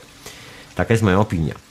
E, tak się okazuje, generalnie minęliśmy ten moment, gdzie wszystko się jakby wyrównało z piramidami i wleciliśmy w coś, co, nie wiem, jeżeli starożytne budowle mają rację, wleciliśmy w coś, co można nazwać śmiało w cudzysłowie nowym czasem dla planety Ziemia generalnie. No i teraz wygląda na to, że y, Słońce stanęło naprzeciwko lwa, tak, to zdarzyło się rok temu, teraz dalej stoi, bo generalnie tak stoimy. No i teraz będzie tak, że właśnie prosto z tego lwa w Egipcie, czy Sfinksa właściwie, nazywa się to Sfinksa, ale chyba oryginalnie był to lew, tak mi się coś wydaje bo ta konstelacja wygląda jak duży, siedzący zwierzak z dużą głową. I to być może była taka rzeźba. Słuchajcie, to wszystko są spekulacje, bo do naszych czasów naprawdę ocalał po prostu Sfinks, tylko tyle. No i co z tymi starożytnymi, słuchajcie, co z tymi starożytnymi? I czy ten kierunek, który wytycza właśnie głowa Sfinksa jest generalnie też związany z kierunkiem, który wytycza po prostu nam, wytyczają rogi yy, piramid. Dokładnie. No i to są te konstelacje, z których ponoć Ponoć miało coś przylecieć, wrócić bogowie z kosmosu. No i właśnie mamy planetę, znaczy planetoidę, plan, nie planetę, co ja mówię? Kometę, nie wiem co to jest, po prostu yy, kawałek czegoś, co po prostu leci przez, yy, kosmos, nazwaliśmy to i, e, ISON, ISON zależy czy z angielskiego, czy z łaciny, jak to woli. Ponoć nazwa pochodzi od angielskiego, czyli byliśmy w sumie niby z angielskiego, ale tam come on, już bez detali, moi drodzy. No właśnie, no, trzeba troszkę wrócić. E, to już model krzyża, myślę, nie będę się za bardzo rozpisywał, bo to jest dosyć chyba łatwe złapać, że to jest po prostu taki moment, że te planety, to wszystko, to się idealnie tak ustawi i wtedy jest taki, właśnie wtedy jest ten magiczny moment, kiedy konstelacje na jednym rogu kreski pasują do konstelacji na drugim i jak e, zrobimy z tego krzyż, czyli nałożymy drugą kreskę po przekątnej, no to mamy kolejne konstelacje, które idealnie do tego pasują. No i do tego mamy jeszcze kąt 60 stopni, czyli mamy jakby połączone, połączone jakby dwa systemy pomiarowe, czyli coś, co jest... I wszystko to idealnie wskazuje na kosmos. Wszystko to idealnie się klei tych wszystkich numerów, wielkich liczb, dziwnych proporcji. Wręcz y, w niesamowity sposób pasuje do siebie. Bardzo, bardzo intrygujące, bardzo intrygujące. Te wszystkie ekliptyki, słuchajcie.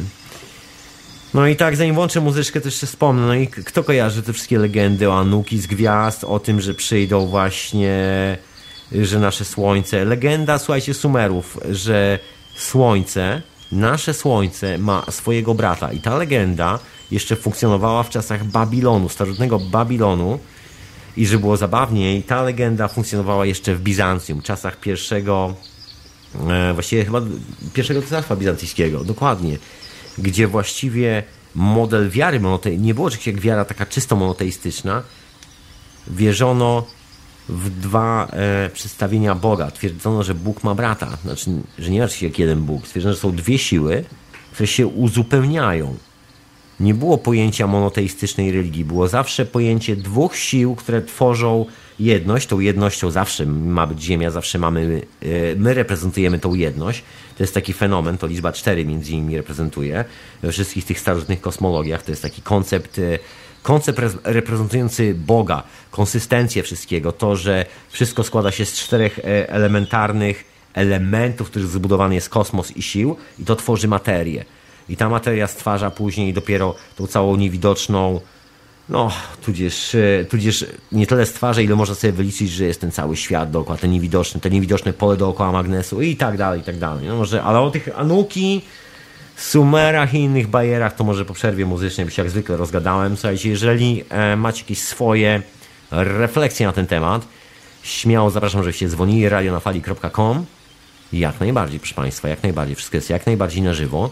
Także jeżeli macie jakiś pomysł, słuchajcie i wiecie, co się przyda, przytrafi tej ziemi, albo chcecie pospekulować tu razem ze mną przez parę chwil, zapraszam bardzo serdecznie. I przypominam, że audycja Hiperprzestrzeń jest w Radiu na Fali oraz retransmitowana w Radiu Paranormalnym. Podałem słuchaczy jednego i drugiego radia. I tych, co na czacie. Właśnie. Zaraz link jakiś podrzucam. Dobra, to może jakaś muzyczka, nie? Trochę relaksu od tego gadania o tych po prostu orbitach i kosmitach.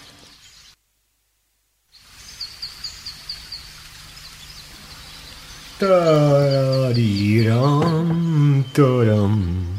Słuchajcie się hiperprzestrzeni w radiu na fali, retransmitowanej w radiu paranormalnym. No właśnie się tak troszkę kosmicznie, słuchajcie, gęstościowo. Świat kosmosu, dokładnie, dokładnie.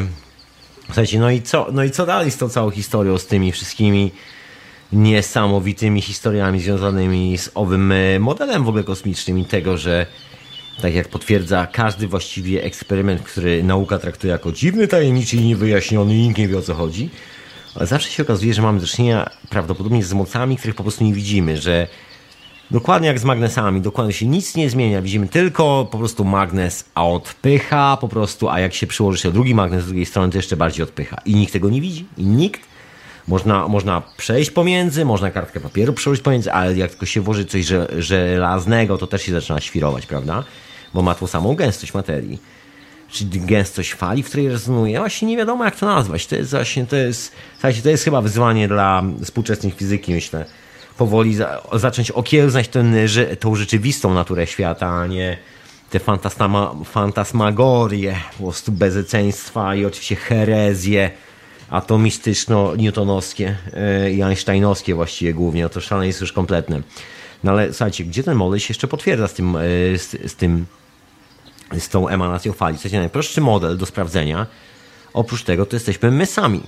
To jest cho chociażby kwestia z naszymi emocjami.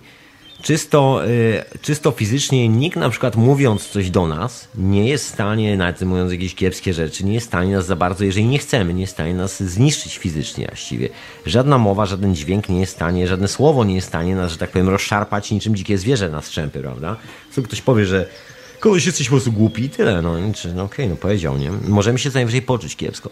No właśnie, wtedy zaczynamy się czuć kiepsko, jakby nie ma żadnego impaktu fizycznego, jest natomiast impact po zupełnie innej, innym rezonansie. To też jest taki, starożytni mawiali, że człowiek to jest tylko to, co my widzimy, a dookoła nas jest właśnie taka duża, gigantyczna po prostu kulka i tak naprawdę jak się spotykamy w parę osób, to spotykamy się tymi swoimi podstawowymi, chyba słowo pole jest najlepsze tutaj, e, bo pole morfogenetyczne to jest takie duże, gigantyczne pole każdego, z, właściwie do którego wszyscy się podłączamy. Tu się okazuje, że jest w tym modelu świata miejsce na coś niesamowitego, jest, e, jest to indywidualne pole każdego z nas, w którym każdy z nas żyje. Że tak naprawdę na przykład nasze reakcje, które, które mamy na świat dookoła, nie biorą się stąd, że nas ktoś fizycznie musi dotknąć, po prostu młotkiem w kolano, kopnąć, popchnąć, klepnąć w plecy, cokolwiek albo dmuchnąć, żebyśmy poczuli powiew wiatru na sobie. Nie, wystarczy, ktoś e, wejdzie w tą strefę naszego pola energetycznego, można powiedzieć, naszą strefę gęstości, w sumie chyba najbardziej, najcelniej było powiedzieć. Nie wiem, ile tych gęstości jest. Nie, to chyba zależy bardziej od odczuwania tego, w jaki sposób funkcjonujemy w tym wszystkim. Nie mam tego pojęcia. To jest coś, nad czym powinniśmy no właśnie popracować w najbliższych latach jako jako nad rozwojem jakimś naukowym albo czymś takim, pójść w ogóle w tym kierunku. No to jest w ogóle cała ta historia, która jest też związana z roślinami. Słuchajcie, bo rośliny mają dookoła to same pole. To, jest, to są wszystkie te sprawy związane z homeopatią, z tą dziwną medycyną, z rzeczami, których my nie jesteśmy w stanie, używając tak zwanego racjonalnego modelu, wyjaśnić w jakikolwiek sposób. Jednym z takich genialnych rzeczy jest owa owa kometa, jest cokolwiek, co jest, się nazywa, dokładnie nazywa się, wszyscy mówią ISON, to jest skrót od y, instytucji, w której ta kometa została zaobserwowana. Y, oryginalna nazwa to właściwie nie jest ISON, tylko oryginalna nazwa to jest C łamane przez 2012 S1, bo to jest taki normalny po prostu oznaczenie, które to jest kawałek galaktyki, gdzie zostało zaobserwowane. Po prostu wszystko i, i data obserwacji, czy jakoś tak. E, bo to było zaobserwowane rok temu dokładnie. AS1 to jest zdaje się chyba część galaktyki, jakoś tak. No, tam są jakieś numeracje do tego. Oczywiście nazwa pochodzi od e, ISON, od International Scientific Optical Network, czyli międzynarodowy naukowy e, system optyczny, jakby system obserwacyjny, przepraszam, bo to jest optyk, no to właściwie można powiedzieć, że system obserwacyjny w sumie. No właśnie, pojawiło się znikąd właściwie, kompletnie znikąd, właściwie nikt nie wie, nie było w ogóle takiego pomysłu. Gdyby ktoś powiedział dwa lata temu, że jest jakaś kometa albo coś, co leci w naszym kierunku, wszyscy by się puknęli w głowę. Właśnie, właśnie, właśnie. A tu się okazuje nagle, że gdzieś z konstelacji lwa, tego tajemniczego lwa, tej, tej postaci, która jest wszędzie na tych dziwnych, e, najbardziej starych kamieniach, nagle wylatuje coś z kosmosu, coś, co leci w naszym kierunku. Miało się roztrzaskać o Słońce. Mówiłem, że się nie roztrzaska i nie roztrzaskało się wcale o Słońce, bo też tak mi się wydaje, że to nie ma nic wspólnego z tym modelem, o którym my cały czas tak przynajmniej kulturowo, w sensie jakby powierzamy swoje życie temu modelowi takiemu właśnie atom, atomistycznemu, atomowemu, a tu się okazuje, że to może być właśnie grawitacyjno elektryczny systemik i że jakieś potężne moce kierują, to troszeczkę jakbyśmy położyli kawałek e, kawałek metalowej kuleczki pomiędzy trzema magnesami, albo nawet czterema magnesami. Cztery magnesy są lepszym rozwiązaniem. Polecam wziąć Wam cztery magnesy, które się odpychają do siebie odpycha, odpychają od siebie. I teraz połóż je na, nawet na, na blacie, te cztery magnesy, tak żeby wszystkie się odpychały. One zawsze będą miały mniej więcej tą samą proporcję odległości od siebie i po środku połóżcie metalową kulkę, która będzie też odpychana przez te magnesy i zobaczycie jedno niesamowite zjawisko, że właściwie nie dotykając kulki, przemieszczając tylko magnesy, przemieszczając właściwie nawet nie magnesy, bo magnesy to, są, tylko kwestia, my tam trzymamy tą całą plazmy, to całe pole. Po prostu przemieszczając pole grawitacyjne, elektrograwitacyjne, przemieszczamy materię. Że to nie jest kwestia polegająca na tym, że musimy, no nie wiem, no rozebrać tą materię na atomy, kurde, zrobić jakiś mechanizm, zębatki, które jedna, druga będzie tarła o siebie, coś się przesunie w prawo, w lewo. Nie, nie, się okazuje, że ta energia, która jest potrzebna po to, żeby przesunąć przedmiot, w ogóle jest kompletnie niewidzialna i żeby było zabawniej, nie oddziałuje w żaden sposób na materię, która nie zawiera tego metalowego pierwiastka, jednego z tych, e, jak mawiali e, starożytni, jednego z tych właśnie głównych e, elementów, który tworzy cały świat. Słuchajcie, mam tu telefon, Halo, halo, witam serdecznie. Halo, halo. Halo, halo, dobry wieczór. Dobry wieczór. Pozdrawiam Cię, kapitanie. Czy chciałbyś, żebym e, przedstawił Tobie i słuchaczom moją interpretację mistycznej e, komety, mistycznych znaczeń komety Ison? No śmiało, śmiało, proszę bardzo. Em, Podsyłałem na czat e, kilka linków, które przygotowałem em, odnośnie tego naukowego skrótu, e, bo sam skrót, e, sa- samo słowo Ison, e, w ogóle ja To nie jest, słuchaj, to jest po prostu skrót, wiesz skąd to się wzięło, bo nikt nie, e, prawda jest taka, że nikt nie podejrzewał, że to jest w ogóle cokolwiek, e, że to w ogóle Tak. doleci do Ziemi, rozumiesz? To, bo, to, bo nazwa jest C, C2012. To jest po prostu oficjalna nazwa. To Tak, wszystko. ja, ja to też rozszyfrowałem. C to jest, pochodzi od Kunrad, Kunrad 44. 2012 to jest y, rok zakończenia kalendarza Majów, czyli y, zakończenia poprzedniej minionej ery, ery Jezusa, y, Boga chrześcijańskiego, a początek mojej ery, ery Kunrada 44 i nowej rachuby czasu. Dlatego jest dwie- dwa- 12, bo to jest przełomowy rok, rok zero w, mojej, w moim Aldatalu, czyli kalendarzu 44. S1 można, ja się przedstawiam jako Zbawiciel po polsku, ale po angielsku Zbawiciel znaczy Savior, the one, S1, the one, Savior. No a Ison po angielsku znaczy ja syn. Y, Ja tego używam y, Mm, pisząc to, to, moje to, tweety na Twitterze. to powinno być I'm the sun, a nie! I, I sun, bo Nie, nie, nie. I sun to nie jest... A ja syn, tak jak na przykład był taki film Ja Klaudiusz, I Claudius. Y, To jest takie mm, używane do oznajmienia y, czegoś. Ja na Twitterze y, piszę właśnie po angielsku, to mogę nawet puścić na, na czat y, jakieś linki do mojego Twittera. I, son of man, declare that Ison is uh, uh, the comet of of my name, my sign. I ten znak Ale wiesz, że samo, samo is, samo is angielskiego to jak przydasz inaczej, czyli is on, znaczy, że Tak, to to jest. To, jest po na- prostu na- to na jest ircu. po angielsku. Po, po angielsku znaczy, używane, tak. to znaczy to jest. Punkt. eyes on. Eyes on, man. Eyes on. The, thing, the thing's eyes on, man. Jest włączony, czy, czy jest, dzia- on działa, że ktoś, ktoś jest podłączony do systemu, a nie, a nie poza Że, linią. że jest wy, że jest wy, no Jest- nie podłączony, jest wy. że jest wy po prostu, że, że jest w sprawie prostu generalnie, że jest w klimacie, można tak, bo to jest slangowe określenie, ona, że, że łapie sprawę generalnie. Jest, jest, jestem z tobą, bierze- nie? Skąd się bierze to, to w ogóle ym, nakręcenie sprawy, że ja syn i tak dalej? Ponieważ w Biblii, w, w, u Mateusza y, sam tylko, że, tylko, że wiesz, że tej Biblii Mateusza jest chyba z 8 wersji, z czego, z czego ta, o której ty mówisz, to jest tłumaczenie zrobione z, z zmiksowanych kawałków e, z trzech takich głównych e, wersji. Bo każda wersja ma inny, inny koniec, każda opowiada inną historię, w, e, w kilku nawet w ogóle nie ma Jezusa e, i tak dalej, i tak dalej. Także to, że tam, wiesz, e, jakiś koleś, który chodził w sukience tam tysiąc lat temu sobie zapisał, coś nazwał to, że to jest Ewangelia według tego, to ja jakby, wiesz, tutaj życzę mu smacznej kolacji, smacznego obiadu, ale generalnie y, jakby głupot, głupot nie kupuje. Myślę, że szkoda naszej inteligencji na generalnie sadzenie po prostu już taki głupot i jakby zastanawianie się nad takimi kretynizmami. Zostawmy tych debili po prostu z ich, e, z ich własną, wiesz, wirtualnym światem, który nazywają Biblią. Po prostu niech, niech sobie wierzą w to, co chcą wierzyć. Życzę im good luck, wiesz, guys. ale jestem to, to heretykiem, nie kupuję to, tego to kitu. sam Kościół katolicki. Ale to gość, wiesz, ale to jest takie, wiesz, robienie promocji, po prostu gówno jadą. Tak jest prawda. Bo dlaczego mamy przez całe życie być niewolnikami tego, że Kościół katolicki? Za przeproszeniem pierdolę Kościół katolicki, nie obchodzi mnie on wcale. Dlaczego każda, każda, rzecz, każda rzecz w moim życiu, każda sprawa ma być determinowana przez to, co powiedział koleś w czarnej sukience. Fuck off, man. Po prostu mam swoje własne życie. I uważam, że ta teologia, którą ci się mówił, jest tak postrana, że w ogóle Słuchaj, ja nie chcę być z nimi nawet na zdjęciu. Rozumiesz? Jakby to i jakby nie widzę powodów, nie widzę logicznych powodów, dla którego ktokolwiek, jakakolwiek żyjąca, myśląca i czująca żywa istota na świecie miała się kiedykolwiek przejmować tym, że wyszedł jakiś jołop i po prostu y, położył jakąś książkę i powiedział, bo ona jest święta. No to stary, to weź ją zjedz i po prostu tyle. No, bo może dla ale- ciebie jest święta. Rozumiesz? Jakby musisz praktycznie- szanować. Nie ma praktycznie.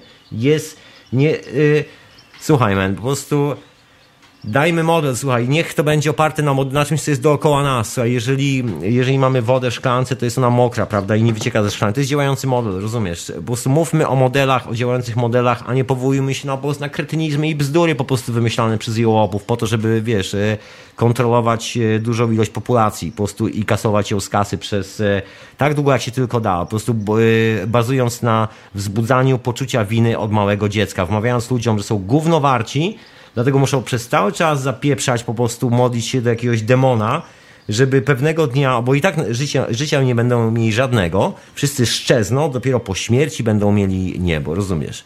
No, no, what the fuck? Ale czy chciałbyś to zmienić, tą sytuację? Nie muszę tego zmieniać, ja nawet nie chcę tego gówna dotykać, stary. To jest po prostu gówno, które śmierdzi od y, tysiąca lat i nie chcę nawet go w ogóle dotykać. Nie chcę w ogóle mieć nic wspólnego z tą tanią propagandą dla jełopów. Po prostu stania, tandetna propaganda. Po prostu nie chcę mieć nic z tym wspólnego. Proszę mi tu dać tu konkretny model po prostu działającego świata, a nie opierać się na po prostu propagandowych agitkach. Ja tylko ci tyle powiem jeszcze, że Ison jak leciał, nalatywał na słońce, miał kolor zielony, zdjęcia są dostępne w internecie, bardzo ładny, a zielony to także mój kolor ulubiony i, i go używam też w mojej symbolice. Nawet widać na moim blogu dużo zielonego, także to też jest jakaś symbolika w kolorze. Słuchaj, to jest częstotliwość. A poza tym Wiesz, bardzo chodzi? To jest spektrum światła widzialnego. To jest w ogóle bardzo intrygująca sprawa, bo to może oznaczyć jakby, bo to właściwie jest potwierdzeniem tego modelu, który jest e, elektromagnetyczny.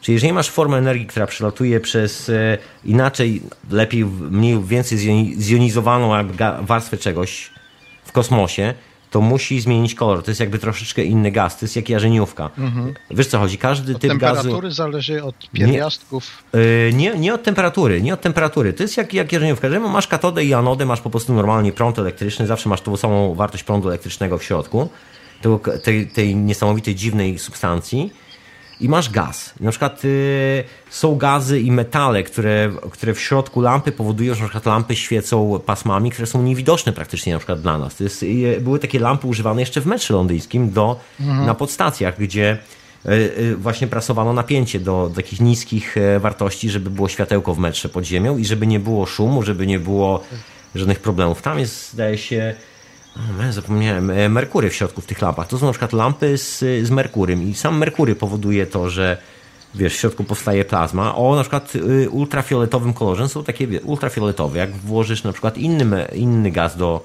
do tej rurki, to świeci na inny kolor. Teraz jeżeli kometa, czy cokolwiek to jest e, ładunek energii, który leci przez kosmos, zaczyna zmieniać e, kolory, bo dawniej był, jeżeli spojrzysz na ekliptykę, która była na dole która była na, na górze, to można powiedzieć tak, że widocznie potencjał grawitacyjny pola w miejscu, przez które przelatywała wcześniej jest inny niż potencjał pola, w którym jest teraz. Stąd się bierze różnica koloru. To jest y, inny kąt padania fotonów na twoją siatkówkę, w ogóle na wszystko dookoła. To jest po prostu inny kąt fotonu. Na przykład przypuśćmy 90 stopni równo, kiedy foton pada równo na twoje oko, na twoją siatkówkę, to jest 90 stopni. To jest dokładnie kolor zielony. Mhm. Rozumiesz, kiedy tylko foton, kiedy, kiedy zmienisz ten kąt, stąd, stąd się biorą, bierze cała barwa kolorów, że zmieniasz jakby zwiększanie spektrum kolorów polega na tym, jakbyś otwierał kąt, jakbyś miał zamknięte dłonie i tak otwierał i nagle się robi coraz bardziej kolorowo, że jakby rozszerzasz skalę, trochę jak pryzmat. Tak to działa. światła. Dokładnie, dokładnie o to chodzi, dokładnie. Tak jak Jeszcze... na przykład załamanie, yy, sorry, tak, tylko wspomnę, tak jak załamanie na przykład pola magnetycznego. Jak weźmiesz trzy magnesy, przyciągasz, to jest taki moment, że one nagle wskakują na siebie, wszystkie się łączą. Jest taki, mhm. to jest dokładnie ten sam moment. Jeszcze chciałem nawiązać do tego, co powiedziałeś e, przed jakimś czasem o y, jakimś mistycznym znaczeniu krzyża. Cztery, że cztery to jest taki krzyż, który symbolizuje przemiany czy przeciwieństwa w świecie. Jakby naturę, o, naturę, bardzo mnie zaskoczyłeś, bo naturę ja tak energii samo świata, naturę energii w tym, moim, w tym moim imieniu 44, te dwie czwórki także właśnie odnoszą się do krzyża, który symbolizuje mistycznie przemiany i przeciwieństwa w świecie właśnie. E, dziwne, że ty to powiedziałeś kompletnie e, nie uzgadniając ze mną, więc no wiesz, to nikt nie, słuchaj, e, nikt nie uzgadniał tego z Indianami Kogi, ani z nikim innym. No to, właśnie, jest taka, to jest taka tak rzecz, jest, która jest... Krzyż jest jednym z najstarszych symboli graficznych właściwie znajdowanych na tej planecie.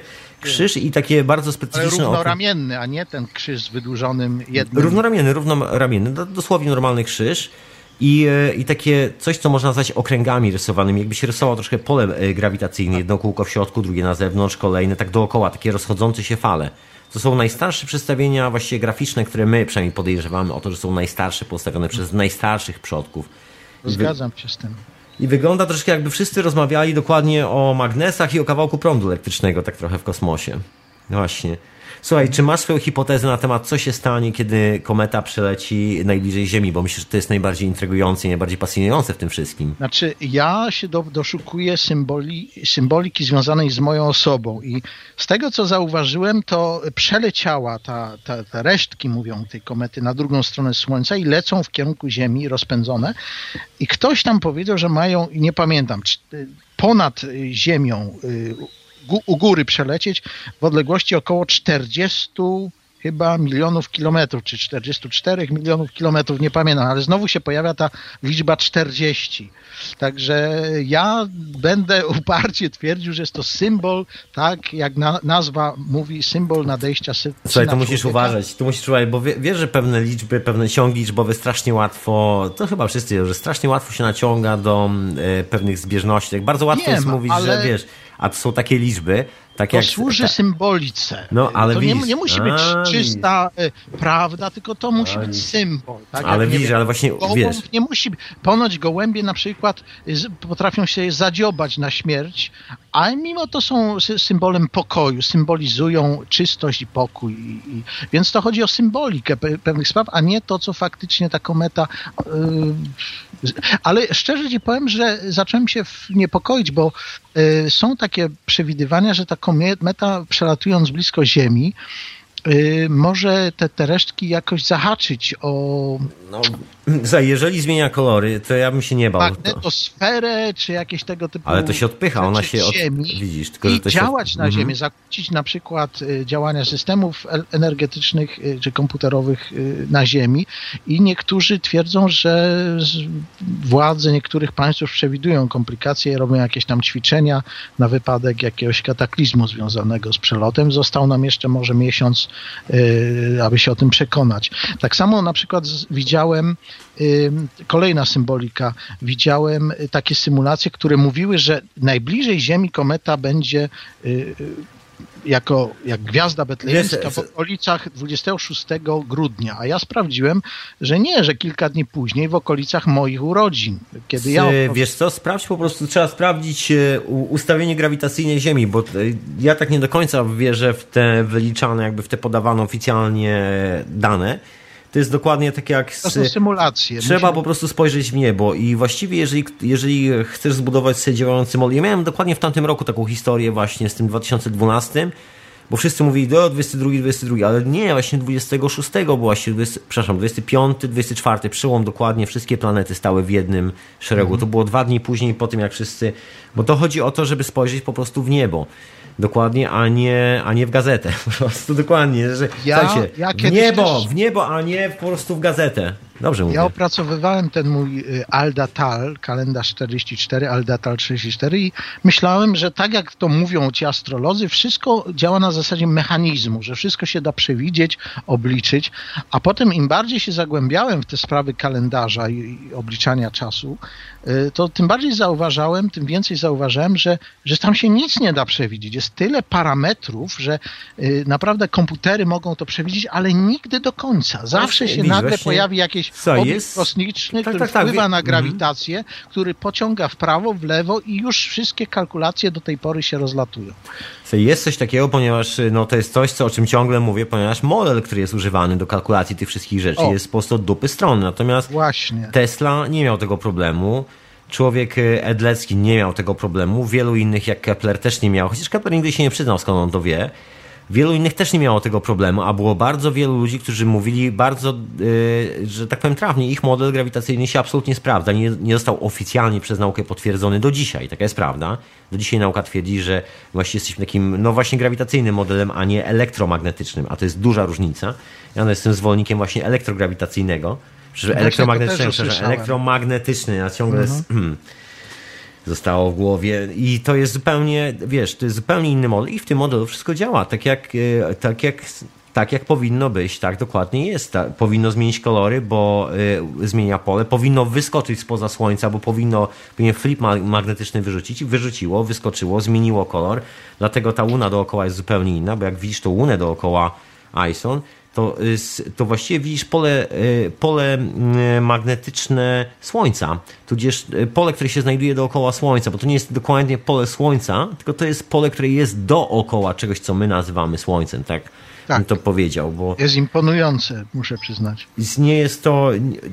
To nie znaczy wcale, że coś ma się przyciągnąć i w ogóle zniszczyć. To jest jakiś taki bardzo dziwny sposób myślenia. To w ogóle, jak przyleciała do tej pory, nie przyciągnęła żadnej planety i nie, nie porozbijała, to nie zbije nic więcej. Także intrygujące jest to, jak to zadziała na nas, bo to jest e, kwestia zmiany no. kolorów. Po prostu świadczy o tym, że jest to jakiś pulsar grawitacyjny troszeczkę taki sam w sobie. Ja nie wiem, jak bardzo widoczna będzie ta kometa y, za dnia. Czy... Drugie słońce ponoć, tak mówią tak. legendy. Legendy mówią o drugim słońcu, że przyjdzie czas Zobaczymy. drugiego słońca. Tak Niemniej jednak wiem, bo śledzę sytuację w USA, tam jest wiele tych kościołów, y, jak to się mówi, preachers, y, kaznodziei internetowych i oni Ale są wariaci, wiesz, bardzo co, się, właśnie, bardzo się podniecają a, to wiesz... i oni mówią tak, oh, son of God, son of man is coming, a tam na, na czatach mu mówią mówią amen, amen, y, pastorze, amen. Ale to tak wiesz, to jest bilon z Babilonu. Się nakręcają na to. To, to wiesz, to, to tak jak... mhm. będzie efekt. Ale to nakręcanie takie, wiesz, to jest e, klasyczne, tak jak z tymi numerami. Bardzo łatwo jest, bardzo łatwo jest mówić, że coś pasuje do numerów, ale prawda jest taka, że te numery, o których mówimy, są bardzo specyficzne i tam nie ma, e, tam nie ma marginesu tak zwanego błędu w tych numerach. Szczególnie jeżeli chodzi o złoty podział. Zawsze jest dokładnie precyzyjny i mhm. To jest coś, ja cię tu uprzedzam każdego polecam sprawdzić. Zawsze jak, zanim powiecie, sprawdźcie czasami, bo jest tak dużo po prostu urban legend na temat tych wszystkich proporcji i tak dalej. Sprawdźcie dokładnie numery, bo to wcale nie do końca jest tak, jak się, jak się wydaje. Także jak nie masz równych 44, tylko masz jakieś coś, 4 coś tam, no to wiesz, to nie rób z tego 44. To są wszystkie tego typu historie. A inna sprawa, że takie elementarne podziały są po prostu no. elementarne, że jest taki moment, w którym każdy z nas zaczyna być troszeczkę bardziej mm, wrażliwy na te, na te podziały i jeżeli robisz się troszeczkę bardziej wrażliwy, to zobaczysz życie każdego z nas, nie tylko twoje. Wszystkie urodziny, wszystkie e, punkty przejścia u każdego z nas są podzielne przez dosyć specyficzne liczby. Jest coś takiego. Słuchaj, jest to w, kab w Kabale, ta informacja z Egiptu została, ona jest przekazywana i tam próbują wykorzystywać na swoje różne e, metody. Tam jeszcze w Tarocie ta informacja została po heretykach w Europie. Ona została w wielu, w buddyzmie została, w wielu miejscach. W Ameryce Południowej. Ja muszę ci powiedzieć, że kiedyś jeszcze mm, koło, kiedy no, do tych moich teorii y, nie doszedłem, ale były parę takich zdarzeń, które właśnie mnie pchnęły ku, ku tym moim religijnym, filozoficznym teoriom. jedną z nich było takie, to był początek internetu, komputerów, pojawiły się takie aplikacje komputerowe. Jedną z nich z ciekawości sprawdziłem, to był tarot taki. I muszę ci powiedzieć, jak ja to tam zacząłem używać na komputerze, to, to aż mnie zaskoczyło, jak sprawdzają się te. Mm, stawiania tych, tych komputerowe y, odczyty z tych postawienia kart tarota na komputerze. Także coś w tym intrygującego jest. Gdyby w tym nic nie, nie było, żadnych odniesień do rzeczywistości, to ludzie by to dawno porzucili, a, a to trwa już wiele wieków. Znaczy wiesz, to jest to po prostu system matematyczny, nam się troszkę opowiada, że jest to, wiesz, kabała, tarot, magia i magicy i szarlatany. To jest bullshit po prostu, bo jest to, to jest propaganda robiona przez Watykan przez 800 lat. Jest to po prostu twarda matematyka arabska, w której są zanotowane ciągi precesyjne planety Ziemia i dokładnie o to chodzi, bo ciąg precesyjny jest takim klasycznym, to jest właściwie, można porównać to do e, wzorca metra spod Paryża, dokładnie, po prostu dla naszej planety. To jest po prostu pierwsza elementarna rzecz, według której mierzymy wartość kątową obrotu Ziemi dookoła własnej osi, no i wszystkie sprawy dookoła. Jeżeli chcesz zbudować piramidę, taką samą jak kolesie w Gizie i obliczyć wszystkie te proporcje, no musisz po prostu znać e, kąt precesyjny Ziemi, czyli granie 72. I to jest, y, no. to jest wszędzie ja... zakon, to jest, to, jest, y, to jest troszkę tak jakbyś miał takiego matematyka sprzed, y, sprzed paru tysięcy lat i on się miał tak, ludzie zgłupieją, będą, wiesz, zaczną wierzyć w, w Harry Pottery, wiesz, w cudawianki, różne, wiesz, po prostu gęsto, wymyślać po prostu gęstości na nowo zaczną sobie, wiesz, i opowiadać, wiesz, wierzyć w Biblię i wszystkie tego typu bzdury. E, I może być tak, że prawdziwa nauka może skończyć na stosach. No to trzeba ją zakodować w czymś, no. co pozwoli jej przetrwać po prostu ciężkie czasy. No i ta nauka została zakodowana i, i jakby przetrwała do dzisiejszych czasów. Resztki tego wszystkiego, to co się udało sadzić, właśnie te ciągi matematyczne, sekwencje, od których można wyliczać e, trajektorię lotu planet i koniugację na niebie i tak dalej, i tak dalej, i tak dalej. Wszystkie te rzeczy. To wszystko jest dokładnie tam. Jest to bardzo stara wiedza, która w ogóle nie pochodzi z tego tysiąclecia, ani sprzed dwóch tysięcy, ani często pochodzi sprzed paruset, podejrzewam, tysięcy lat może. No może nie paruset tysięcy, ale na pewno sprzed y, więcej niż pięciu tysięcy lat. Zabawne jest to, że, że w twoich ustach ty wypowiedziałeś takie zdanie, jeżeli chcesz zbudować piramidę, pamiętasz? No ja właśnie chcę zbudować piramidę, może nie ja, ale chcę, żeby ludzie, na, nasi ludzie, wyznawcy mojej religii, zbudowali piramidę, wielką piramidę Kunrada. Czy jestem Bogiem, czy tam w myślach, wiesz jak to jest. Jako symbol właśnie nowej religii, że te stare religie odchodzą w przeszłość, mamy własną piramidę. Jak to mawiano, na, na miarę naszych możliwości. To jest technologia sobie. Piramida dla mnie, nie, nie wiem jakie jest twoje podejście, ale moja, moje podejście jest takie, że to jest po prostu urządzenie technologiczne, po prostu urządzenie. Tak, ale... Jeżeli przyjrzysz się jak jest zbudowane na przykład proporcje i zobaczysz jak na przykład wyglądają proporcje w maszynach Tesla. Chodzi o na przykład proporcje rozładowania się potencjału elektro, elektrycznego po prostu zwykłego, na przykład jak masz dużą cewkę i przeskakuje ten promyk i tam sobie mierzysz proporcje tego wszystkiego. Słuchaj, jak to wszystko pomierzysz, nagle historia, dlaczego, y, dlaczego komora jest tak skonstruowana inaczej, dlaczego są te, te komory pomiędzy tymi przyłożonymi granitowymi płytami na tej, w środku piramidy i tam się tak dziwnie jest to wszystko jedno na drugim, tak jak kanapka złożone. Nagle się okazuje, że wiesz, to jest bardzo poważna technologia. To jakbym budował mhm. akumulator i nawet jakbym chciał używać właśnie magnetycznego rezonansu, to powiem Ci szczerze, że też właściwie polecam każdemu słuchać, jeżeli się interesujesz te, tematem free energy, to rzućcie okiem na strukturę piramidy i porównajcie ją z pomysłami e, Kelly'ego, z pomysłami Keshe i Tesli. Naprawdę, słuchajcie, są bardzo podobne sprawy. Wygląda na to, że, było to, że to było urządzenie coś w rodzaju reaktora, można powiedzieć. Taka teoria bardzo, bardzo dziwna, bo to, nie jest, bo to nie jest taki. To jest coś, co jest związane generalnie z sposobem naszego myślenia. Jakby nie chcę tu się rozpływać, bo to już właściwie koniec, koniec hiperprzestrzeni powoli, także. Ja to zostawię na innej Wie, Wiem tylko, że oprócz piękna kształtu piramidy samego w sobie, y, domyślają się niektórzy jakichś jego korzystnych czy działań energetycznych, promieniowania kształtu i tak dalej. Na tym się dokładnie nie znam. Wiem tylko, że na przykład pod Poznaniem sobie ktoś y, wybudował w swoim ogrodzie piramidę i tam udaje się na odpoczynek, a też ktoś wybudował chyba nawet restaurację w kształcie piramidy w drodze z Poznania na Berlin chyba też też jakieś takie zdjęcie widziałem. Także w Polsce ta idea piramidy no, nie jest zupełnie obca ludziom. No, tylko... Nie jest, tylko że widzisz, tylko że nie korzystamy, nie wiem, nie wiem na ile wiemy po prostu, co piramida do końca robi, dlaczego ten kształt i tak dalej. Tak. Normalnie, bo piramidy w, Mizie nie, w Gizie nie są piramidami. Przede wszystkim piramida w Gizie nie jest e, de facto stricto piramidą, jest ośmiokątną bryłą. Nie jest czterokątną, jest ośmiokątną bryłą, o czym, o czym chyba większość ludzi wie. I jest, i reprezentuje coś, co starożytni nazwali reguły. Jest to zasada reguły, dom reguły.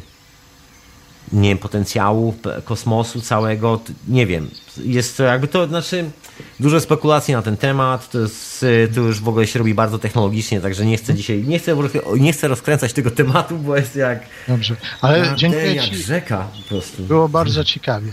Dziękuję, bardzo. i pozdrawiam. Przepraszam za skrzyczenie z, tym, y, z tą propagandą, ale proszę mnie to, proszę mnie to oszczędzać. No, to jest bo to moja prostu... metoda na, na zmianę na lepsze. No ty widzisz to inaczej. Trochę. Absolutnie inaczej. Także przepraszam za moje krzyki na ten temat. Jestem tu radykalnym heretykiem, po prostu gnostykiem pod tym względem, także... Ja jestem heretykiem pozytywistą. Y, chcę zamienić jedno, co jest Dokładnie. gorsze, na coś, co jest według mnie lepsze. No dobra, zobaczymy, zobaczymy co z tego wszystkiego powychodzi. Bądź zdrów, czekamy na Isona, żeby Dokładnie. Przylecieć. Otóż to, proszę pana. Dziękuję bardzo za telefonik. Słuchajcie, to był Konrad i tak oto, tak oto hiperprzestrzeń w tej miłej rozmowie, też takiej pełnej emocji. Bardzo dobrze i bardzo dobrze. Niech będą. To żywe radio jest prawdziwe. No. Niech będą, słuchajcie. No to taki No to taki mamy pomysł na świat, słuchajcie, tak wyglądają wszystkie te eksperymenty dookoła. Tyle, tyle mniej więcej się dowiedzieliśmy z tych eksperymentów, które miały teoretycznie nas pozostawić w, takiej, w takim rozkroku, także e, nie no, w którą stronę, wiadomo co i jak, się okazuje, że są eksperymenty, ja mówię coś dosyć konkretnego, że jest konkretna matematyka, że jest konkretny model za tym wszystkim, że to nie jest do końca tak, że że to wszystko jest takie bardzo abstrakcyjne, takie kosmiczne, eteryczne i że jasne, to jest eteryczne, nie da się tego dotknąć, nie da się tego zmierzyć, ale cały czas obserwujemy, jak te eteryczne siły odciskają się na rzeczywistości w każdym najdrobniejszym detalu, szczególe naszego życia, cokolwiek robimy. Na każdym eksperymencie naukowym, w każdym równaniu matematycznym, praktycznie cały świat dookoła nas jest prawdopodobnie odbiciem tej niewidocznej fali, o której informacje próbowali nam prze, przekazać no, starożytni. Nie wiem, czy to fala, co to jest. Pole plazmy, ja bym nazwał pole plazmy. To jesteśmy my, słuchajcie, bo to jest takie pole. Ja podejrzewam, mam tutaj swoją teorię. Ale dobra, słuchajcie, tą teorię zostawię na inną hiperprzestrzeń, będę się tu rozpędzał z tym wszystkim, słuchajcie, bo to będzie dobra, dobra historia, żeby po prostu pogadać o tym z e, Mam nadzieję, że za ten się pojawi gość. Kuba Babicki to będzie doskonała postać, żeby z nim o tym pogadać troszeczkę. O właśnie tych polach morfogenetycznych, o tym polu dookoła nas. Być może to jest odpowiedź na tą zagadkę, że właśnie nie jest to nic takiego bardzo gdzieś kosmicznego, że tam ludzie opowiadają niesamowite bajki, chocki, klocki. To jest wszystko takie, że tak powiem, z angielskiego ground to earth, czyli blisko ziemi, że tak powiem, bardzo, bardzo takie no jak, jak, po prostu jak bigos prawie, no jak łyżka, zupa, takie, dokładnie, taka sprawa. Na co dzień bym powiedział. Dobra, to ja kończę tą hiperprzestrzeń, także dziękuję Wam wszystkim serdecznie za słuchanie tej jakże ekstatycznej hiperprzestrzeni. Zapraszam na kolejny odcinek Hiperprzestrzeni w radiu na fali, transmitowanym w radiu Paranormalium. Peace and love, odwiedzajcie nas na z, y, naszym profilu facebookowym Radio na fali. Tak się nazywam na Facebooku, radionafali.com, taki jest nasz adres na Skype'ie, radionafali.com, taki jest adres naszej strony internetowej, także wpadajcie, ściągajcie, słuchajcie i szerzcie te herezje, gdzie tylko się da, niech zaraza się roznosi. Dokładnie. I to była właśnie hiperprzestrzeń.